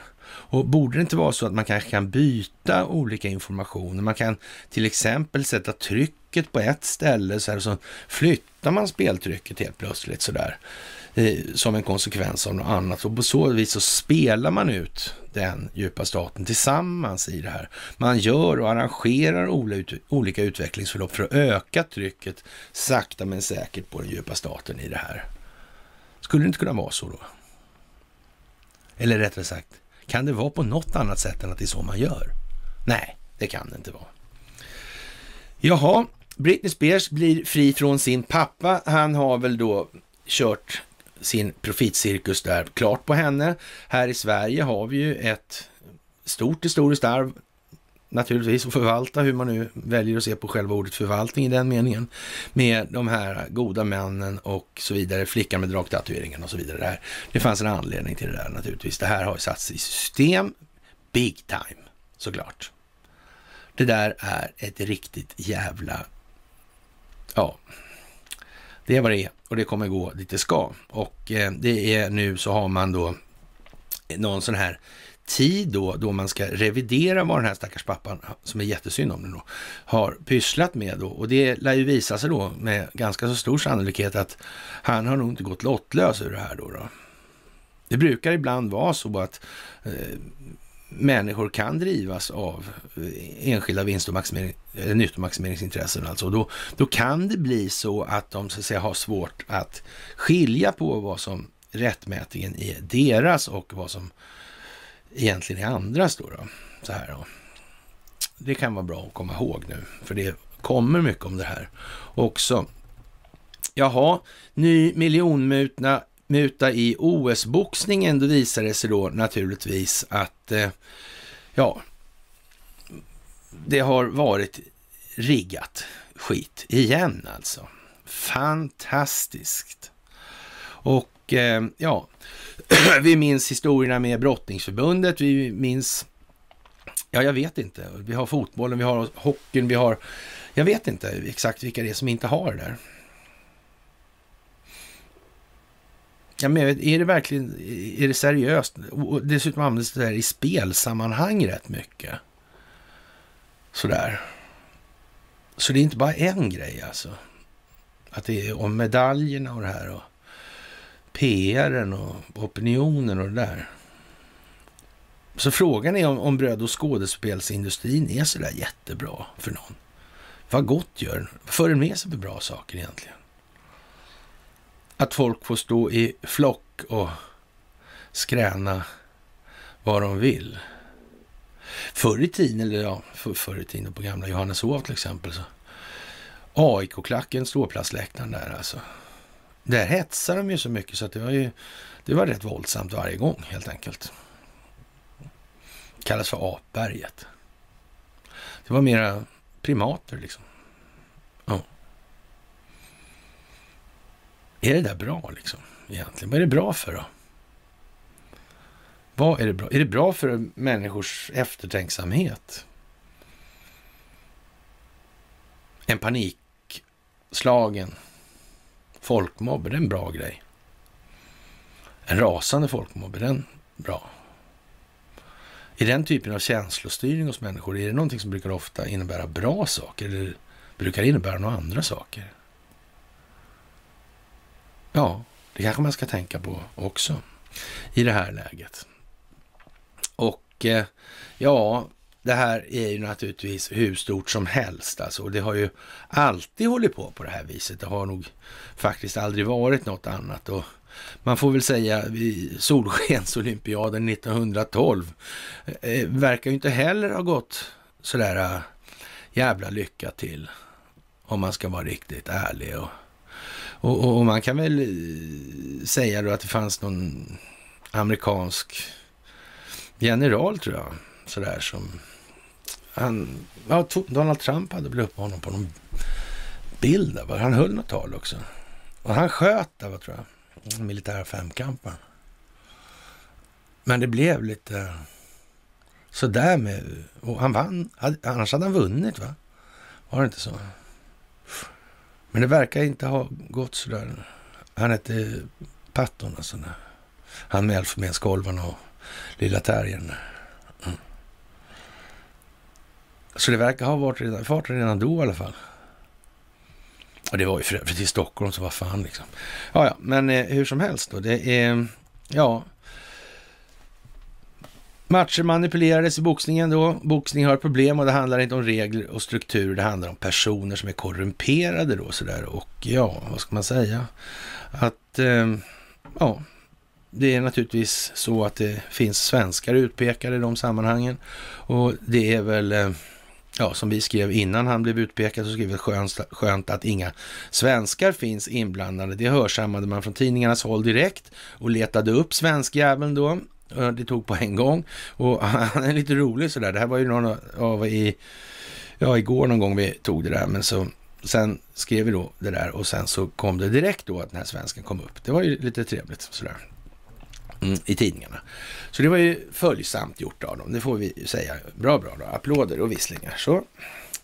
Ja, och eh, Daniel Craig då här, James Bond, han då, han anklagas för olämpligt beteende på James Bond-premiären. Han kom glidande i en form av en blandning av rosa och vinröd kavaj då, ser ut att vara lite eh, tjock också tycker jag sådär. Men ja, det, det må ju vara så. Men det var i alla fall mycket, mycket olämpligt där på hela taget. Och eh, ja, vad ska vi säga? Borde inte han komma i smoken kanske? Det är väl lite mer James Bondskt. Sådär. Men det kan ju vara som det är med den saken. Och eh, ja, jag vet inte. Det, det, det, är väl lite grann eh, som det är. Och, och, men där, en kul grej med den saken är ju det här att Marcus Oskarsson gör ju den här omröstningen och, och, och liksom det, det, där man nästan, det har ju många upptäckt nu, att det, hans, han slår ju alltid sig själv på tummen med hammaren då i de här sammanhangen. Han ställer frågorna och, och, och, de är hyfsat målsökande, fast det blir ju over the top, så det blir helt åt helvete då naturligtvis. Och, eh, och, och på förfrågan då på, av Marcus Oskarsson, då kan man ju säga så här att kritiken är patetisk och säger mer om det som gnäller än om det säger något om James Bond. Man ser verkligen fram emot att se filmen när den kommer till Sverige framöver. James Bond regerar som alltid. Alltså, vad anser du om att James Bond-stjärnan Daniel Craig hade rosa smoking på filmpremiären? Toppen skriver 69 procent då. Men själva grejen i hans artikel, den är ju liksom att det är så många som kritiserar det här. Och, och en av de som kritiserar det här, det är ju alltså då den här Piers Morgan då, som är på något vis eh, närmast komiskt lik då, eh, ja, om vi ska kalla det för det, då i alla fall den verklighetens James Bond, eller den, den person som så att säga var förlagen till James Bond, i alla fall den här Sir William Samuel Stevenson, Stevenson då, och eh, ja, han var en kanadensare. Och det här är ju lite lattjo på något vis alltså, för det här är ju någonting vi tog upp på den här föreläsningen då för länge, länge sedan i Trosa där, det är väl något år sedan eller snart två, kanske två år sedan, eller ja, jag vet inte. I alla fall, ett år sedan i alla fall, snart. Och eh, det är ju lite lattjo alltså. Och, och, varför det där då? Alltså, det, Piers Morgan har en brorsa som är överste i den brittiska armén, om jag inte minns fel att det är han är i. Och, eh, eller om han var SAS, alltså Special Air Service. Jag, jag kommer inte ihåg riktigt, men, men i alla fall hur som helst, han är militär och han har gjort massa utlandstjänster och sådana grejer. Och eh, ja, det, det, är ju en sak sådär, men, men frågan är ju någonstans, alltså vad... Hur, hur, det är ju sådana som det är löjligt likt alltså, på det viset. Och varför ska just Piers Morgan av alla jävlar uttala sig om det här med James Bond och säga att det där var asfånigt och så vidare. Som själv är jättelik James Bond. Förlagan i verkligheten alltså. Det ser ju verkligen konstigt ut.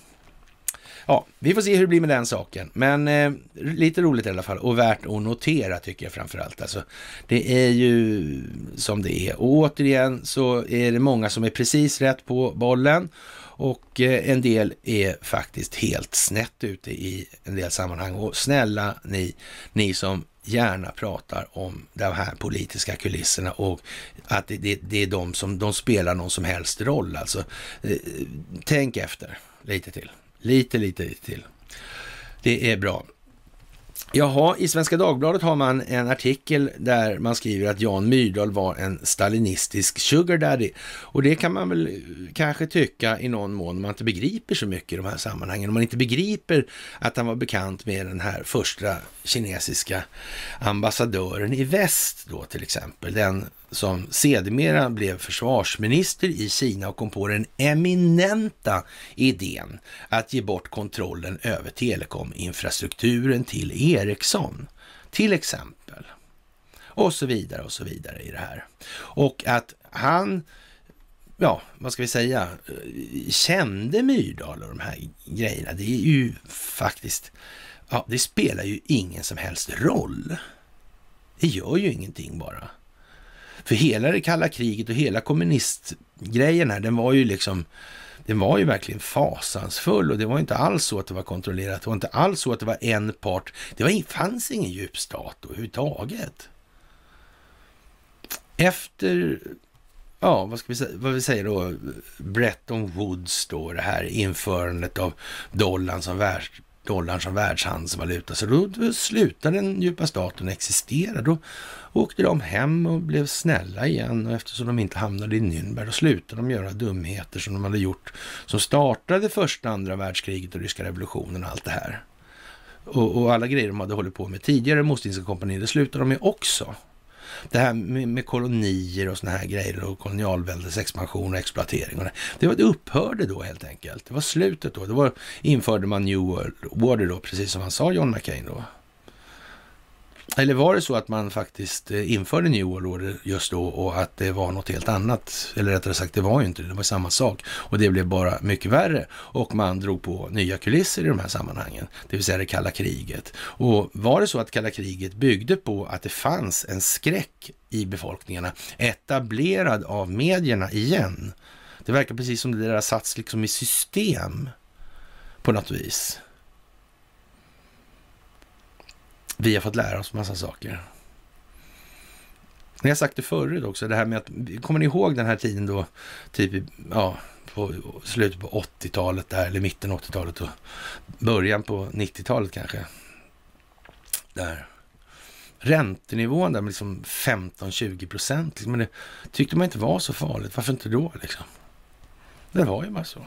Man visste ju knappt något annat. Och det fanns ju inte exakt så mycket att välja på heller. Och så fanns det ju massa kontanter så det sket man väl i och för sig. Och så, där, så det var ju viktigare med dem då.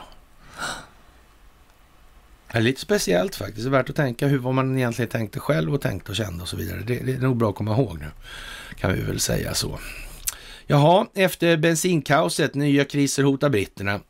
Vi når ett kritiskt ögonblick nu, säger man i TI och eh, kanske Boreas vet på råd då angående de här stora nordanvindskapande propellrarna han har stående ute på Doggersland.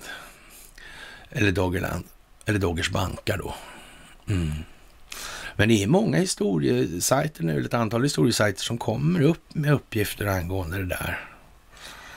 Och det handlar ju om alltså historien då kanske från ja, någonstans 3 till 500 efter Kristus då till 8000 före då. Det är ju rätt lång tid. Alltså det fanns någon form av verksamhet då som vad den var för någonting och så vidare.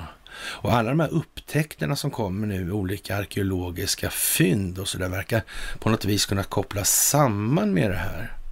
Det verkar precis som att Skandinavium i någon mån har varit, eller Skandinavien har varit någon form av isolerad bubbla i de här sammanhangen. Och just det komiska med att vi har sådana här penningmonarkier och det är lite eljest skulle man kanske kunna säga. Och det, det är kanske inte nödvändigtvis så att den konstitutionella grunden för våra länder är den bästa för befolkningen. Tänk om det skulle vara så jävligt att det inte är det. Att det aslätt går att göra det här oändligt mycket bättre för befolkningen. Men ett fåtal människor kommer på ett dramatiskt sätt få ett väldigt mycket mindre inflytande. Skulle det kunna vara så? Det kanske det skulle kunna vara. Mm. Jaha. Ryssland och Mexiko skriver på ett avtal om fredlig eller ett fredligt rymdsamarbete och det kan man ju tycka är lite intressant och speciellt när då Ryssland, Kina, Turkiet eller USA skriver avtal med länder. Då är det intressant. För USAs vidkommande så kommer det inte, blir det inte riktigt lika mycket avtalsskrivande i den meningen därför att det är fortfarande den djupa staten internt som är huvudfrågan där. Men de andra har kunnat bli mer externa nu och kommer hjälpa till och minska den djupa statens inflytande i USA den vägen. Så. Ja, ubåtsjakternas 80-tal har vi varit inne på och vad där Försvarsmakten.se går ut med det här och pratar om de här sovjetiska ubåtarna i olika sammanhang. Då, då kan man ju faktiskt säga så här, ja men hur var det nu då? Det kalla kriget var så att säga på nedgång, helt säkert. Det hade man klara spår efter, eller spår på. Och man visste ju naturligtvis om det, så man styrde skiten då inifrån. Och precis som när man välte det så småningom. Och vad, var det här egentligen för något? Ja, som Roine Carlsson sa, budgetubåtar till allra, allra största del. Vad tänkte de på allvar att de skulle invadera? Och vad fan skulle de göra sen då? De skulle invadera Sverige för att kunna ta Danmark eller eh, hur tänkte de? Så. Ja. Och sen skulle de åka iväg och invadera. Och ändå sa Stalin att det fanns inga som helst expansionsplaner. Och det som hände var att NATO flyttade närmare efterhand ökade trycket, såg till att upprätthålla konflikten. Och det höll man på med naturligtvis från rysk sida också. Och tror då att inte den ryska militären skulle vara infiltrerad. När den svenska är det uppenbart. Helt uppenbart. Den amerikanska är det lika uppenbart. För de som inte har begripit det ännu så är det ju så här då att man tar till exempel när en människa ska bli utsedd till överste, då finns det ett politiskt beslut på det här. Eller fanns det tidigare i alla fall, jag vet inte exakt om det är så nu fortfarande. Men ja, det är ingen som blir chef på MUST eller ÖB utan ett politiskt godkännande, så kan vi säga i alla fall. Det, det är det i alla fall fortfarande helt säkert. Ja, och då kanske man ska tänka efter lite. Ska vi ha politiserad militär? Vem ska de vara lojal mot då? De som har tillsatt dem? Eller? Eller mot någon annan? Vem ska bestämma det? Och varför? Ska vi göra som vi alltid har gjort, låta Arsenalsgatan bestämma? Eller är det dålig idé? Ja, det är i alla fall som det är. Facebook riskerar miljardböter i Ryssland och varför lämnar då inte Facebook Ryssland bara? Hur kommer det sig? Är kanske grejen att de är där för att samla information, hålla på med massdata, metadatainsamling? Mm. Kan det vara så? Kan det vara så? Kan ni sitta ihop med den här killen som greps då också på något vis där? Ja, vi får väl se, vi får väl se. Facebook grillades hårt av senaten om forskning och det är ju lite udda kanske sådär i Omni också. Och det är ju som, det är amerikanska senaten, alltså inte ryska senaten. Och det, det, kan man ju tycka är lite udda då, som vi sagt från början inledningsvis i det här myset, att ja men om, nu, om det nu är så här att Ryssland upplever uppenbarligen ett problem alltså med Facebook i det här. Säger man då. De vet naturligtvis vad som egentligen är problemet, men vi säger att det är Facebook. Då. Och det, det gör uppenbarligen USA också. Tänk att de inte kan komma till tanken om att det här är ett gemensamt problem som vi kanske med fördel kan hantera tillsammans för att vinna synergieffekter i förhållande till vad som nu, nu råder. Det kan, alltså, eller? Nej. Ja, men eh, vi får väl se. Helt enkelt. Och eh, Instagram är den första cigaretten som ska göra att tonåringar fastnar tidigt, där man exploaterar pressen att vara populär och i slutändan äventyrar deras hälsa, sa den demokratiska senatorn Ed Markey då, efter, inom, eller efter de här senatsförhören. Och eh, ja, alla som har studerat Facebook och verkligen tittat på affärsmodellen, hur bolaget startades, hur man tjänar pengar, allt är baserat på användardata. Det är en affärsmodell, ett spel, ett vinstspel, sa Klobuchar och som även påpekar att de ville se fakta kring hur mycket Facebook tjänar på sina yngre användare. Och det är som sagt, det är ju en mätgrej det här bara. Och det här har man för att mata de här hungriga datorerna till exempel. Och därför kan de göra sådana enormt detaljerade referenskartor. Man hinner knappt tänka en tanke förrän det kommer reklam på det ämnet. Och det kan ju faktiskt vara värt att notera att det är så. Av en anledning. De kan ju faktiskt räkna ut andra saker som de inte skickar som reklam. Och då blir ju allt det här det är liksom att det är reklamen, det är reklamen. Det kanske är värre saker än så. Det kanske är värre saker än så. Men återigen, det här är ingenting som man missar från den sida som bekämpar den djupa staten eller motverkar den djupa staten. Det här ligger med inom ramen för den strategiska planeringen.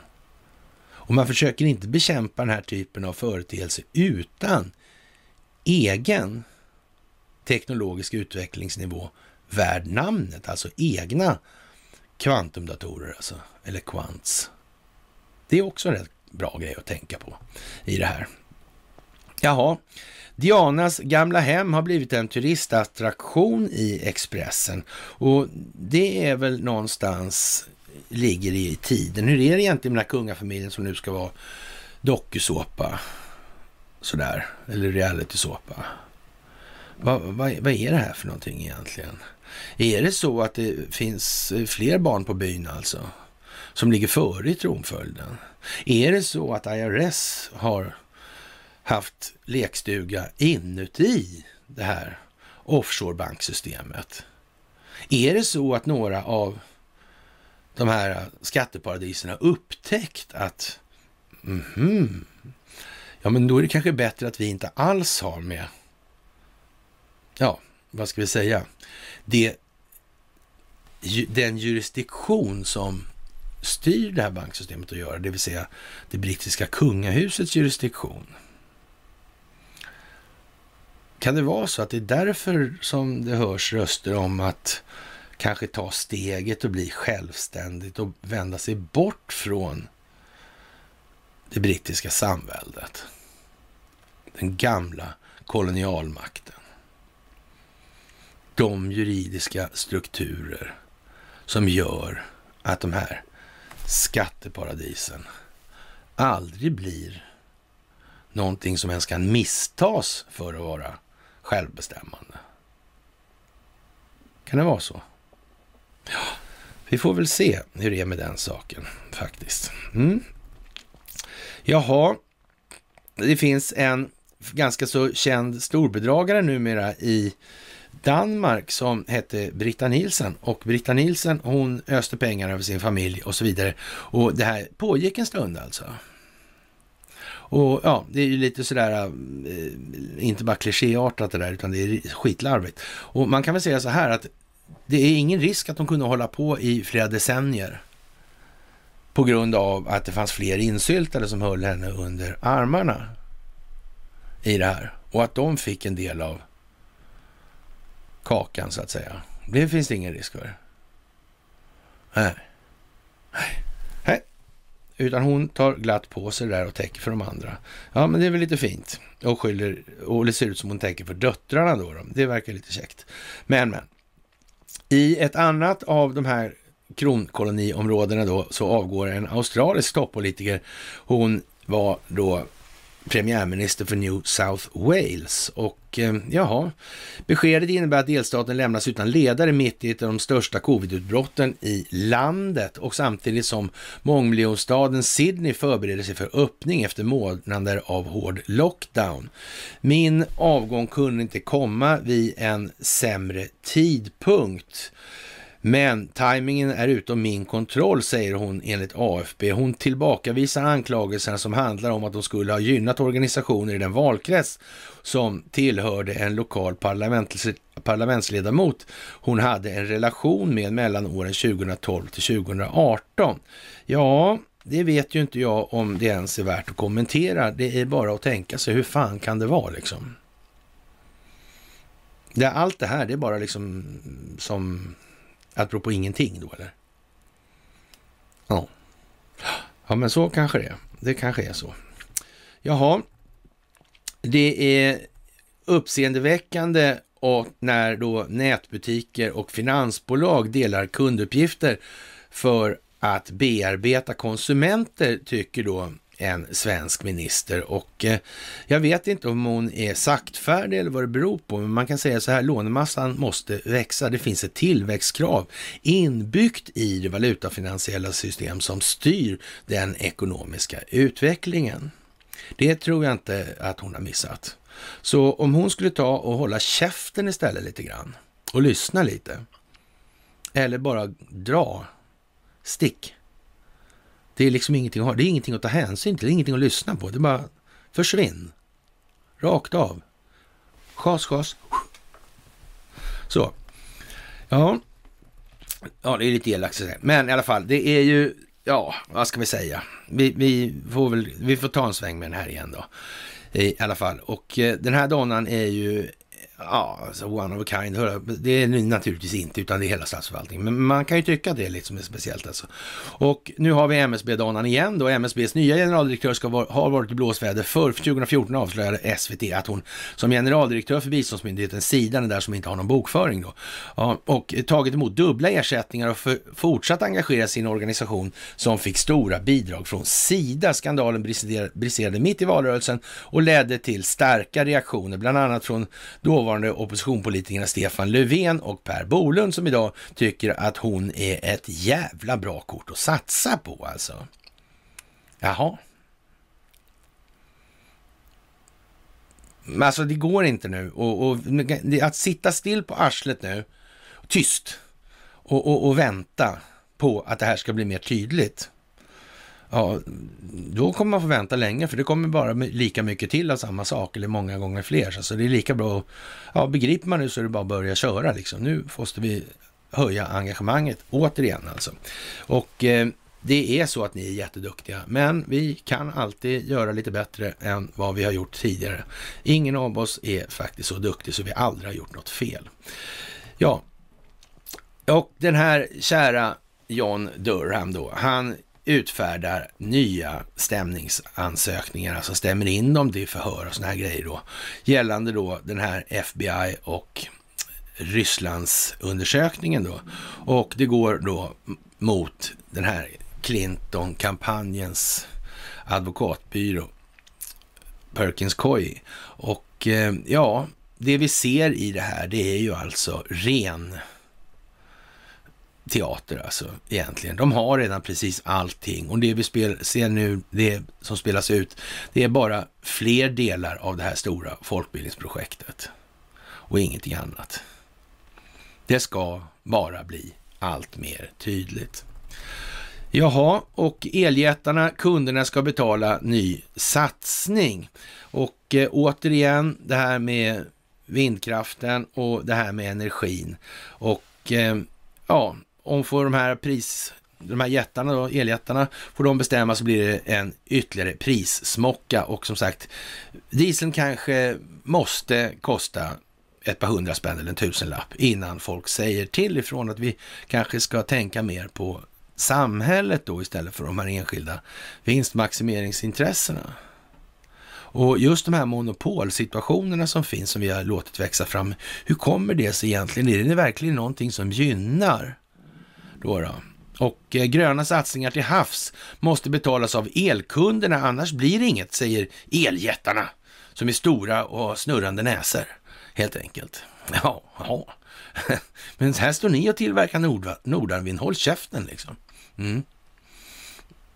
Ja, men det är dags att komma igen nu helt enkelt. Och eh, ja, de eh, får ju hållas och varför får de det då? Så där, så där, det är liksom, eh, både det svenska bolaget och danska Örstedt ställer regeringen inför ett ultimatum. Om inga nya regler införs så blir det inga stora satsningar på vindkraftverk till havs under 2020-talet. Och det kan man väl i och för sig säga är, är liksom är en väg ur det här då. då. Och varför, vad, vad nya regler? Jo, det kan vi, kan vi visst göra nya regler, helt säkert. Men jag tror inte att det här jävla politiska gänget är liksom på den bogen, det har de aldrig varit. Så det kan vi skita i helt enkelt. Och, eh, men däremot så kan man ju säga så här då att eh, ja, det kanske inte behövs så mycket mer vindkraft i den här delen. Vi kanske skulle ha lite, något annat istället. Det där. Någonting som hänger ihop med det kalla kriget och rädslan för kärnvapen och sådana grejer. Det kanske handlar om att individen utvecklas, lär sig förstå, lär sig förstå sig själv, sina egna rädslor. Vad bygger de på?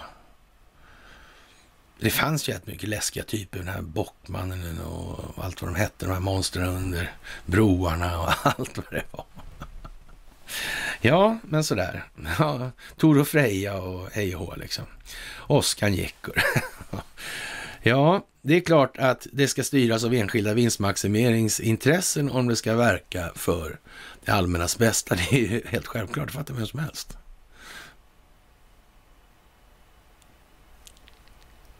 Ja, kanske. Kanske, kanske, kanske. Ja.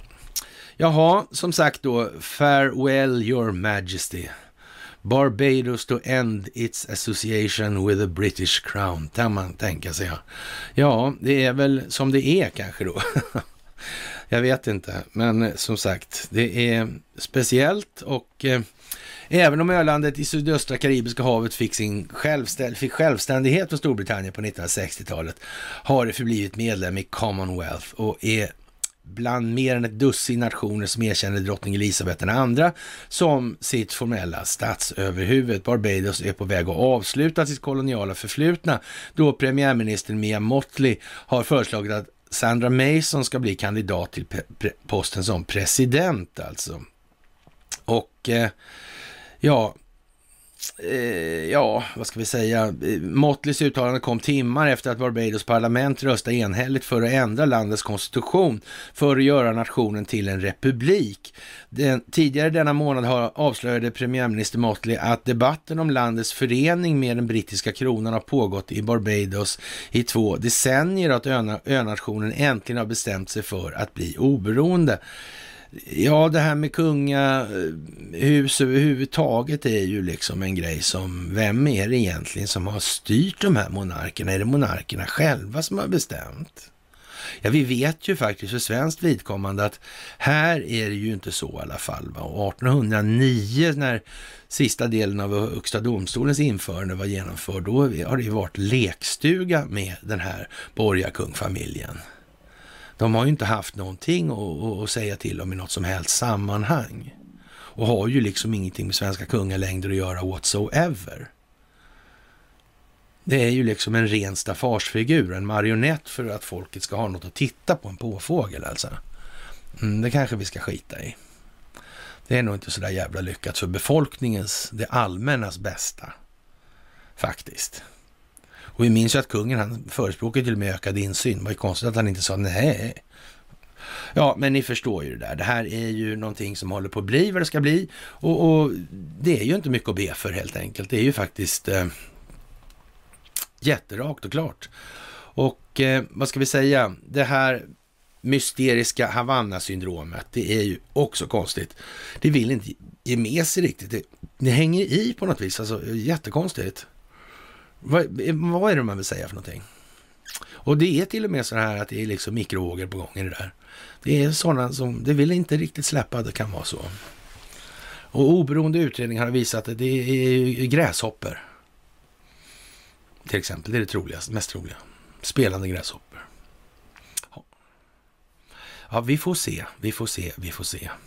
För det, det är ju så att om man säger då att det är om det skulle visa sig vara mikrovågor och, och, och, så, kanske man till och med känt till och inte agerat och så. Det, det måste nog krattas lite manege här och var i de här sammanhangen och då måste det definitivt finnas en förståelse för att man gör som man gör mot enskilda intressen till exempel. Man måste ha viss sympati för att man behandlar enskilda intressen så att inte folk börjar skrika kommunism som Karl-Bertil Jonssons pappa på julafton, om vi säger som så. Varför man nu skulle göra parodi av det. Kanske man visste att kommunismen var rena bluffen, ungefär som den här artikeln om Myrdal som kommer nu när i ljuset av verkligheten är på väg upp för att belysa att partisering, det är ju faktiskt en metod. Ja, det visste ju han Sykes Picot-gubben där, Picot, han visste ju det. Ja, ja, ja, ja, men visst.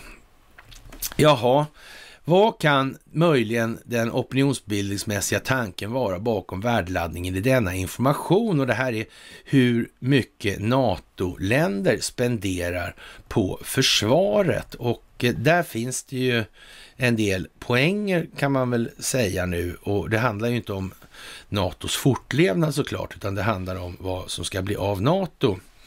Ja, i den meningen då naturligtvis. Och eh, det är ju som Donald Trump sa då att det att våra NATO-partners som exempel då, de är väldigt långt bakom i sin, så att säga, försvarsproduktionskonsumtion då. Det, det, kan man ju säga så här. Men eh, på hans starka inrådan då så har de gått med på att betala mer då än 130 miljarder per år då. då. Och eh, ja, och de här 130 kommer att bli 400. Ja. Ja. Ja, men det, alltså, det är ju självklart att alla länders befolkningar kommer ju bara jubla. Och speciellt när det inte finns någon fiende. Det är klart du måste bränna lite stålar på det där. Såklart. Det är ju viktigt. Någonstans måste du ju liksom... När tvär, den här tvärkommunikationen eller kommunikationen på tvärplanet, det är ju en sån grej som att eh, det är ju det som vidgar det medvetna medvetandet hos befolkningarna. Men då ska vi kanske inte hålla på med det här eh, religiösa kulisser, politiska kulisser och så här som verktyg för att skapa konflikter i det här. Och sen dessutom iscensatta då av falska flaggor och så vidare. Det kanske inte är något bra sätt. Det är inget bra metodval för att utveckla samhället. Det verkar inte vara det i alla fall.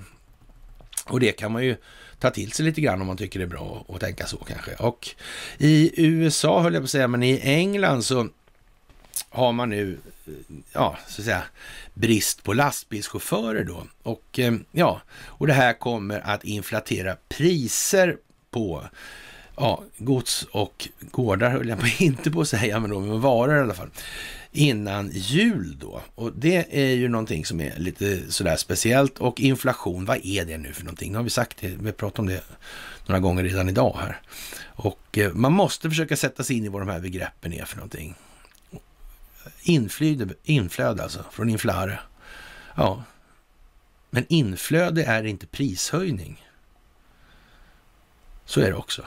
Men det här är ett begrepp som tydligen är oerhört, oerhört svårt att rå på opinionsbildningsmässigt i den anglosaxiska delen av världen, alltså den engelsktalande delen. Oer, oerhört svårt, alltså jätte, alltså där har de satt någonting fast i skallen.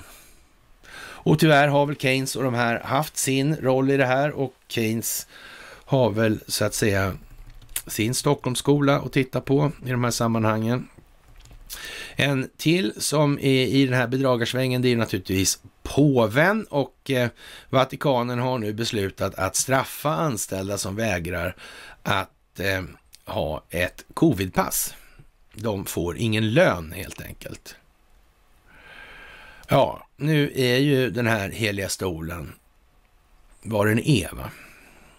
Ja, han gav ju lördagslicens till heliga Birgitta redan, om vi säger som så. Va? Och det var ju ett tag sedan.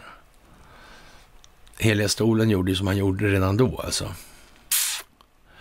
Och det har ju hållits igång. Det är ingenting att diskutera om i den meningen längre.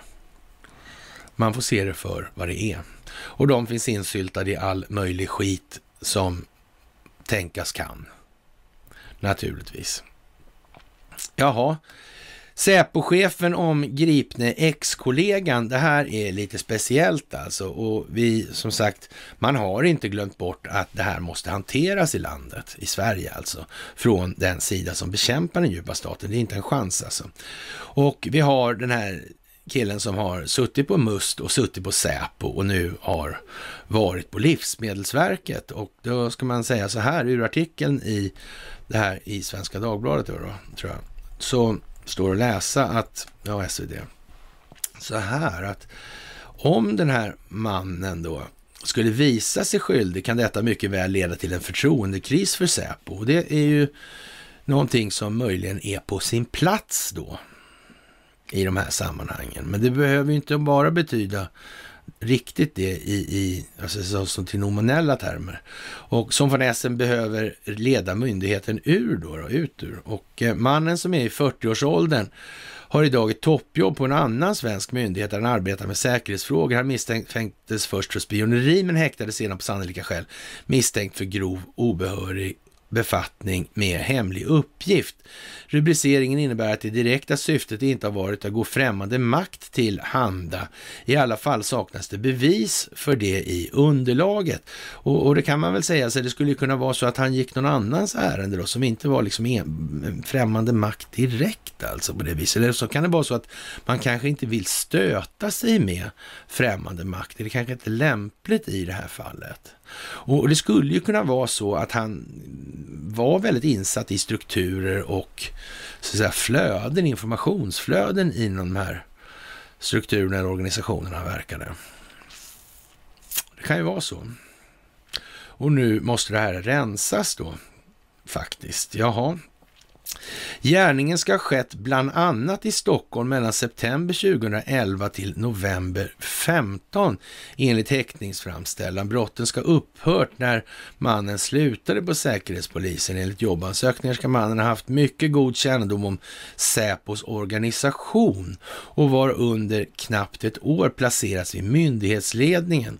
Hade Säpo en mullvad som gick under radarn under många år? Charlotte von Essen är fåordig när hon kommenterar utredningen offentligt för första gången. Hon förnekar inte att personen har varit anställd hos Säpo. När det gäller det ärendet kan jag bara bekräfta att personen är häktad under, med den här rubriceringen.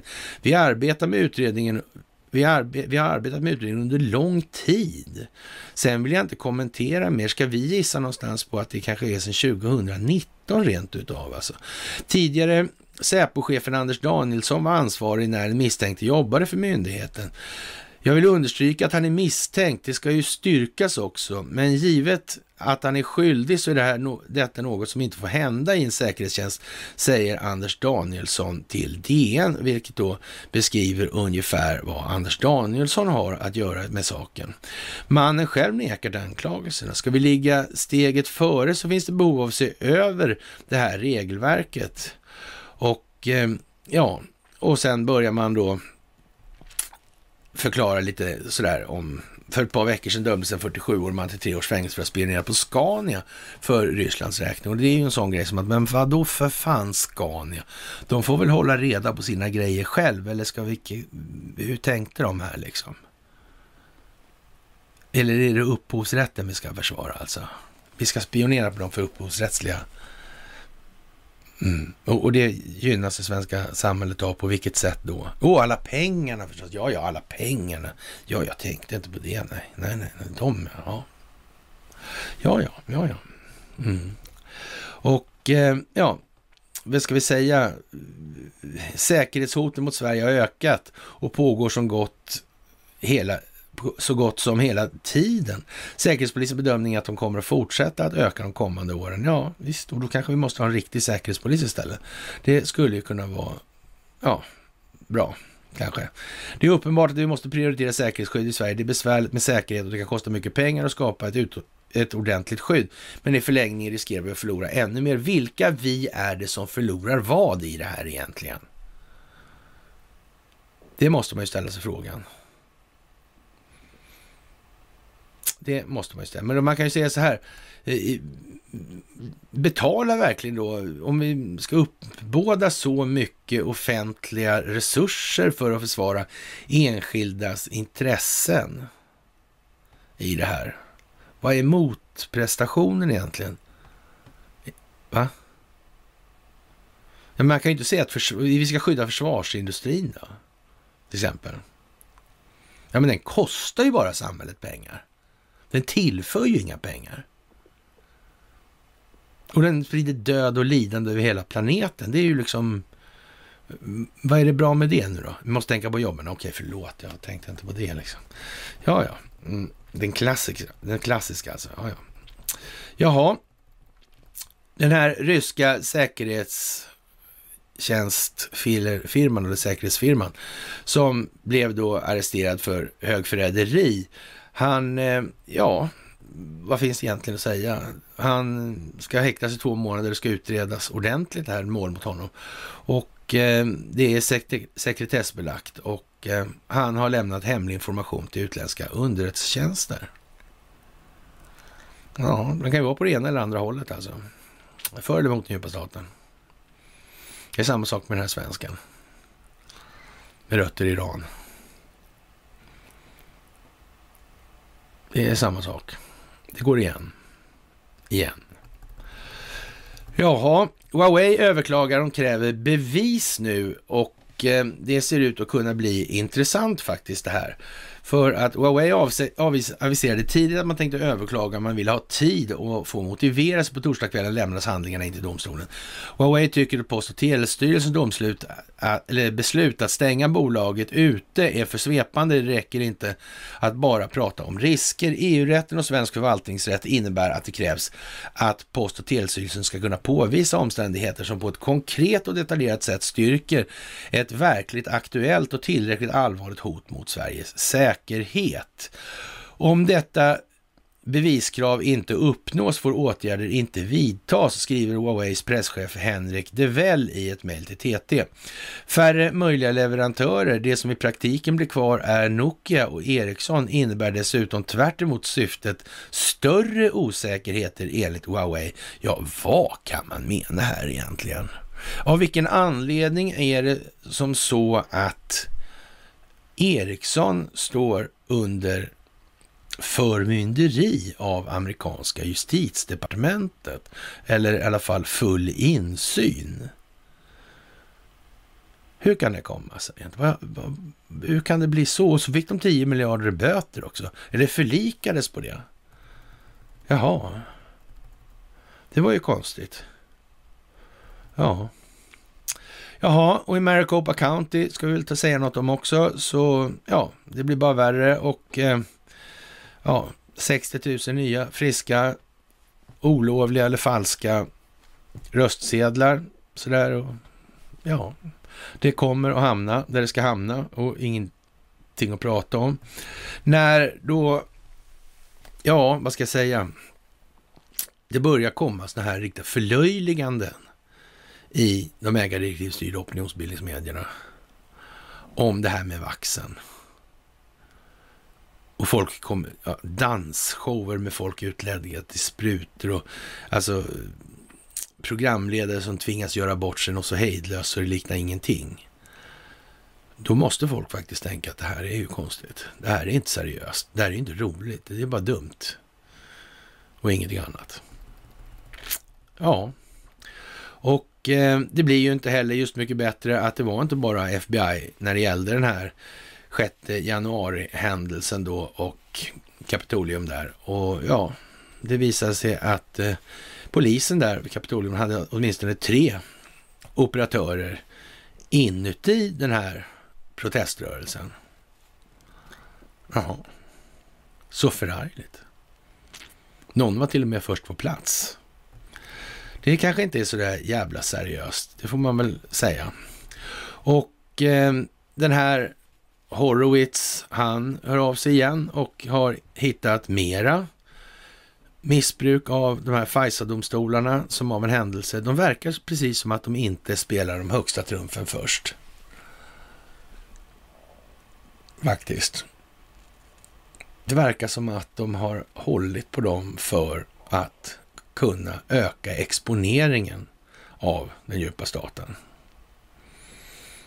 För de grejer som kommer, de blir bara mer och mer dramatiska, tyngre och tyngre vägande, helt enkelt.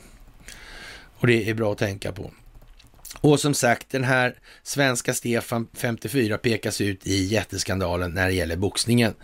Och ja, vad ska vi säga? Det, han skulle aldrig skita ner sig, säger han då, och eh, de har inte så mycket pengar att de kan betala mig, så jag skulle skita ner mig.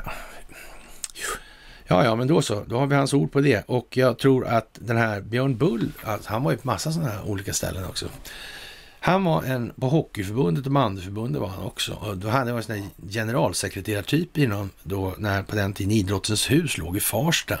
Så var det den här snubben, han var fantastisk alltså. Han rörde sig fritt mellan de olika specialidrottsförbunden skulle man kunna säga som generalsekreterare. Och det, blev alltid liksom samma resultat av det här då. då hans närvaro. Det, det där kunde man ju tycka var lite anmärkningsvärt. Att det, och jag, jag, väl, jag kontaktade i, ja, vad kan det här ha varit? 90-talet någon gång sådär. Så. Och då hade vi i Styrkelyftsförbundet fått in den här liran då. Och jag kontaktade han Berglund där på Hockeyförbundet då. Han, han var väl inte sådär jävla förtjust i att jag började snoka i det med bull liksom. Men till slut bara röt han liksom att, ja, Ja, men det var så. Sådär. Alltså, det, var inte fan, det var inte frågan om lite grann här nu, alltså, utan det var mycket grann. Och Styrkelyftförbundet, de hade väl åkt på någon miljon sådär. Och så, så det var... Ja, men sen fick han sluta och ordföranden fick också sluta efter det. Så de åkte ut. Och ja, så här. Och, och det kanske inte var så populärt i alla kretsar, då kan man konstatera så här efterhand. Men nu var det ju så i alla fall. Det blev som det blev. Ja, och med det, kära vänner, så är det faktiskt slut på det här myset. Och eh, ja, ni ska ha ett eh, jättetack för allt ni gör. Som sagt, tack för gåvorna på Swish och Patreon och tack för att ni hakar på den här kanalen och tack för att ni fördjupar er och tack för på karlnora.se och tack för att ni hakar på Telegramtjänsten. Och eh, ja, som sagt, det är bråda tider och eh, ja, vi får väl rycka ut och göra sändning när det händer något mer dramatiskt sådär och annars kör vi väl på måndag igen. Och eh, ja, jag vet inte. Får väl önska härskapet en riktigt, riktigt trevlig helg så här nu när händelsernas centrum kryper in på oss. Okej, då hörs vi senast måndag. Trevlig helg!